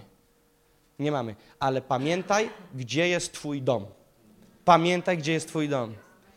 Częstotliwość spotkań. Zadałem pastorowi Richardowi, pastorze, powiedz mi po prostu z bomby, bo już kiedyś cię pytałem, ale powiedz mi teraz, przebudzeniowy kościół, ile się spotyka? Mówi, pięć w tygodniu to jest minimum. Jeżeli chce kościół być przebudzony, to ja nie znam żadnego przebudzonego kościoła, który trząsłby miastem, narodem, który by się spotykał trzy razy w tygodniu. Nie znam. To jest kościół, który spotyka się wspólnie pięć razy w tygodniu, a codziennie z rana są modlitwy. Mówię, to my za górami, za lasami, panie. Ale wprowadziliśmy modlitwę o 6.30. Ale wprowadziliśmy modlitwę o 6.30 codziennie. Aleluja. Do przodu. Walka z duszewnością i emocjami. To rozbijał na czynniki pierwsze pastor Richard. Potrzebujemy tego. Zrozumieć, że to, co tobą miota, wcale nie musi być Duch Święty. To mogą być twoje emocje, to może być twoja duszewność. Jak to jest, że masz zawsze takie... To twoja duszewność. Niezrównoważony człowiek. Cokolwiek mu nie powiesz, gołąbek się włącza. Powiedz coś. Serio, kurczę? Wiesz co, chciałem cię poprosić, żebyś za tydzień powiedział świadectwo, ale jak masz wyjść na live streama na Polskę i zrobić to chyba lepiej nie. Musisz panować nad swoimi emocjami. Nie możesz pozwolić, żeby twoje emocje tobą targały, robiły z tobą, co chcesz. Jak to jest? Musisz być człowiekiem ducha, duchowej rzeczywistości, a nie emocje tobą targają. Ja rozumiem, że są emocje, bo często ryczę jak kocur na spotkaniach naszych, ale one nie mogą mną prowadzić. Teraz stanę tu na 30 minut, a wszyscy będą patrzeć, jak nasz lider płacze. Niech te łzy spłyną na kościół. Serio? To jest jakieś zwiedzenie. No nie, tak być nie może. Ostatnie cztery. Pytanie, dlaczego kogoś nie ma? Ludzie przychodzą, a co wy do mnie macie? Pytacie mnie, dlaczego mnie nie było. Stary, ty powinieneś być wdzięczny, w końcu ktoś się o ciebie martwi. Przecież powiedziałeś, że jesteś rodziną z nami. Jeżeli stary, jeżeli mojej żony nie wróci trzy dni pod rząd, trzy dni w nocy i ja zapytam ją na czwarty dzień, a gdzie byłaś ona, a co ci do tego, gnojku? To powiem, to do tego, że jesteśmy w przymierzu. Mieszkamy razem. Gdzie ty byłaś? A co ty, co ty mi będziesz życie układał? Mam wolną wolę, nie czytasz Biblii? Ty, ale poczekaj, poczekaj. To chyba nie tu i nie tak. Mówisz, że jesteśmy rodziną, czytamy wersety o tym, że jesteśmy wzajemnie zasilającymi się stawami, że się wspieramy, że się o siebie modlimy. Ty, ktoś się o ciebie modli pięć dni, ty na kolejne osiem znikasz, po ośmiu dniach ktoś cię pyta, ty jesteś zdziwiony, że cię ktoś pyta? To jeżeli cię ktoś nie pyta, to znaczy, że jesteś troszkę anonimem. I może warto się zacząć otwierać w kościele, nawiązać jakieś relacje. A jest, lecz nie wiadomo gdzie. Coś tu nie tak. Musimy znać to, do czego zmierzamy. I wspólnie tego chcieć, bo inaczej walczymy o inne rzeczy i nie będziemy się rozumieć i będziemy mieli do siebie nawzajem wyrzuty i się nie zrozumiemy. Standard, który jest wokoło, mam na myśli w tym świecie, bądź standard, który jest na zewnątrz, w innych kościołach nie jest czymś, czego chcemy tutaj. To nie znaczy, że jest, chcemy być lepsi, fajniejsi. Ja nie o tym mówię. Nie mówię o wyścigu międzykościelnym. Ale nie jest to dla mnie sufitem to, co jest w tym kraju. Przecież to jest taki słaby procent nowonarodzonych ludzi. My musimy się ogarnąć. Więc to, co jest dzisiaj, to, jaki klimacik panuje, nie jest dla mnie kierunkowy. Powiesz, u mnie w kościele kazania trwały godzinę, a u ciebie, no właśnie, sam sobie odpowiedz. Ale słuchaj, ja mam numer do twojego byłego pastora, ja ci przygotuję powrót. Ty możesz wracać. Róża na drogę, buziak w czoło i jesteś turbo błogosławiony. Adios acompañeros.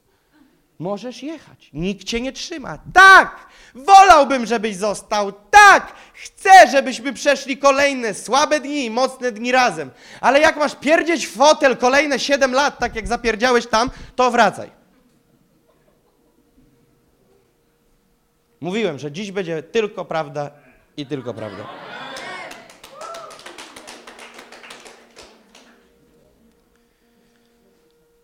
I ostatnie, czy możemy puścić już soaking w tle? Ostatni punkt brzmi tak. To, o czym będziemy rozciągać i mówić wiele. Złamanie. Bycie złamanym. Wiesz, co znaczy być złamanym? To znaczy, że już ciebie się nie da złamać. Jesteś zgnieciony. Nie da się ciebie już złamać. Pastor Tim, który przyjechał z pastorem Richardem, kojarzycie? Marine. Te Marine, amerykańskie Marine. Jednostka specjalna. Powiedziałem, jak to wygląda? Jak tam się trzeba dostać? On mówi, pierwsze trzy miesiące muszą cię złamać. Jak cię złamią, to idziesz do następnego etapu.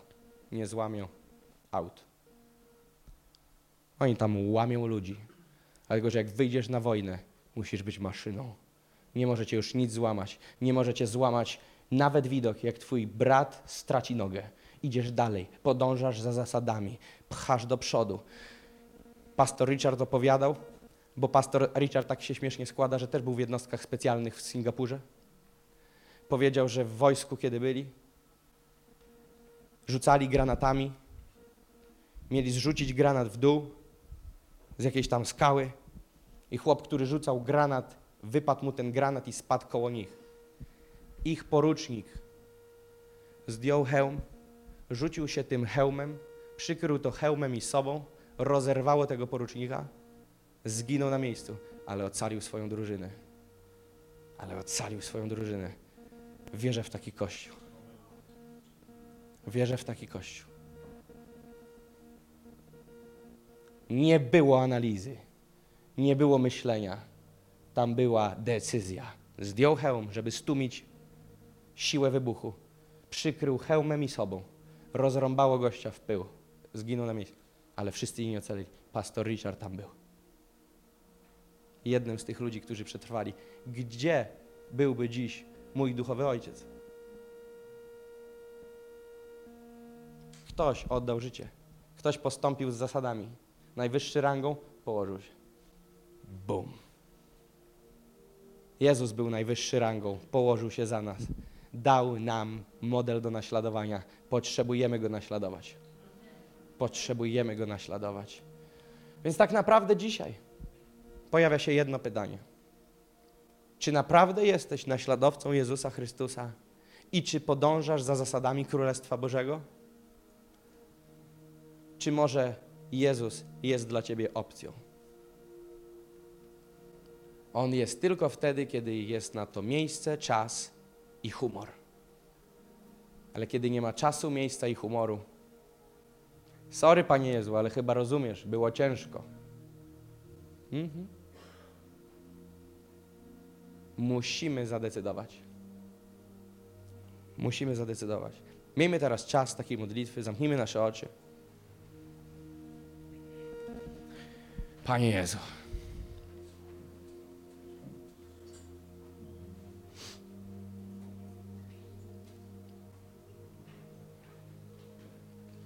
My jako Twoja oblubienica, Panie, jako Twój Kościół,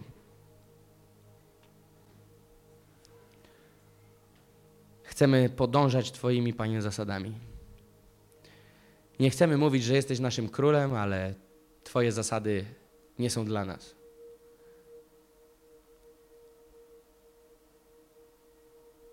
Duchu Święty, niech przyjdzie dzisiaj Twoje światło.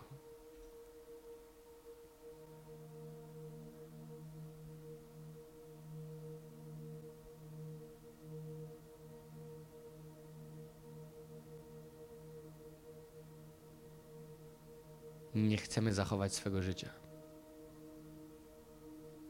Chcemy je stracić dla Ciebie. To będzie największe zwycięstwo.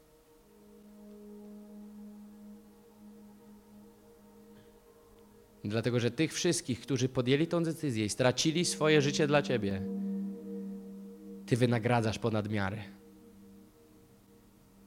Ale nie chcemy, Panie, żeby motywowała nas nagroda. Nie chcemy, żeby motywowała nas Twoja hojność. Chcemy to wszystko robić z miłości. Bo jeżeli wszystko byśmy posiadali, a miłości nie mieli,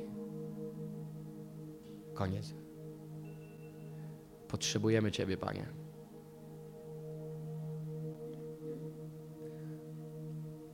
Duchu Święty, my chcemy naprawdę dzisiaj zrozumieć, jak wyglądają zasady Twojego Królestwa, Panie. Duchu Święty, Ty jesteś tym, który może nam to objawić, Ty jesteś tym, który nam może to pokazać, Ty jesteś nam tym, który może nas nauczyć, Ty jesteś tym, który może, może przynieść żywe objawienie. Panie, my nie chcemy tracić czasu. Tak jak dzisiaj Kasia mówiła podczas uwielbienia, Panie. Nie chcemy tracić czasu. Chcemy zrozumieć, że czas tyka, że zegar tyka. Że całe stworzenie oczekuje objawienia się synów Bożych. Całe stworzenie oczekuje nas, abyśmy się objawili, Panie, i lśnili Twoim blaskiem, abyśmy byli Twoim świadectwem. Ale Panie, naucz nas też nie zapominać o Twoim Kościele. Panie, proszę, objaw nam w prawdzie, że nie da się odłączyć głowy od ciała. Że kochając Ciebie będziemy mieli także i miłość i czas do Kościoła. Panie, my chcemy zrozumieć, gdzie Ty chcesz zabrać ten Kościół.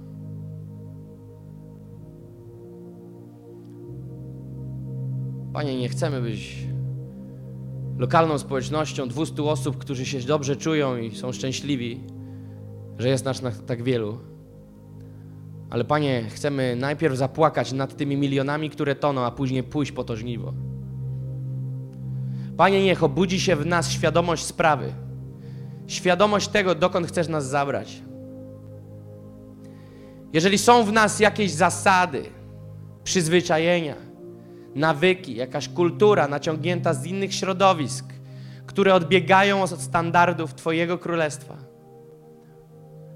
pomóż nam je zniszczyć. Jeżeli wiesz teraz, że są jakieś te rzeczy, to możesz mu po prostu powiedzieć: Panie, ja dzisiaj kładę je przed Tobą na ołtarz i mówię: Chcę, aby spłynęły. Pamiętaj, Duch Święty daje chcenie i wykonanie. Jeżeli podejmiesz decyzję, że chcesz zrzec się pewnych rzeczy, zrzec się pewnych starych szat, które masz na sobie, to może nawet jak myślisz teraz, że nie masz na to sił, nie masz do tego podejścia, mówię ci, że Duch Święty cię do tego tchnie.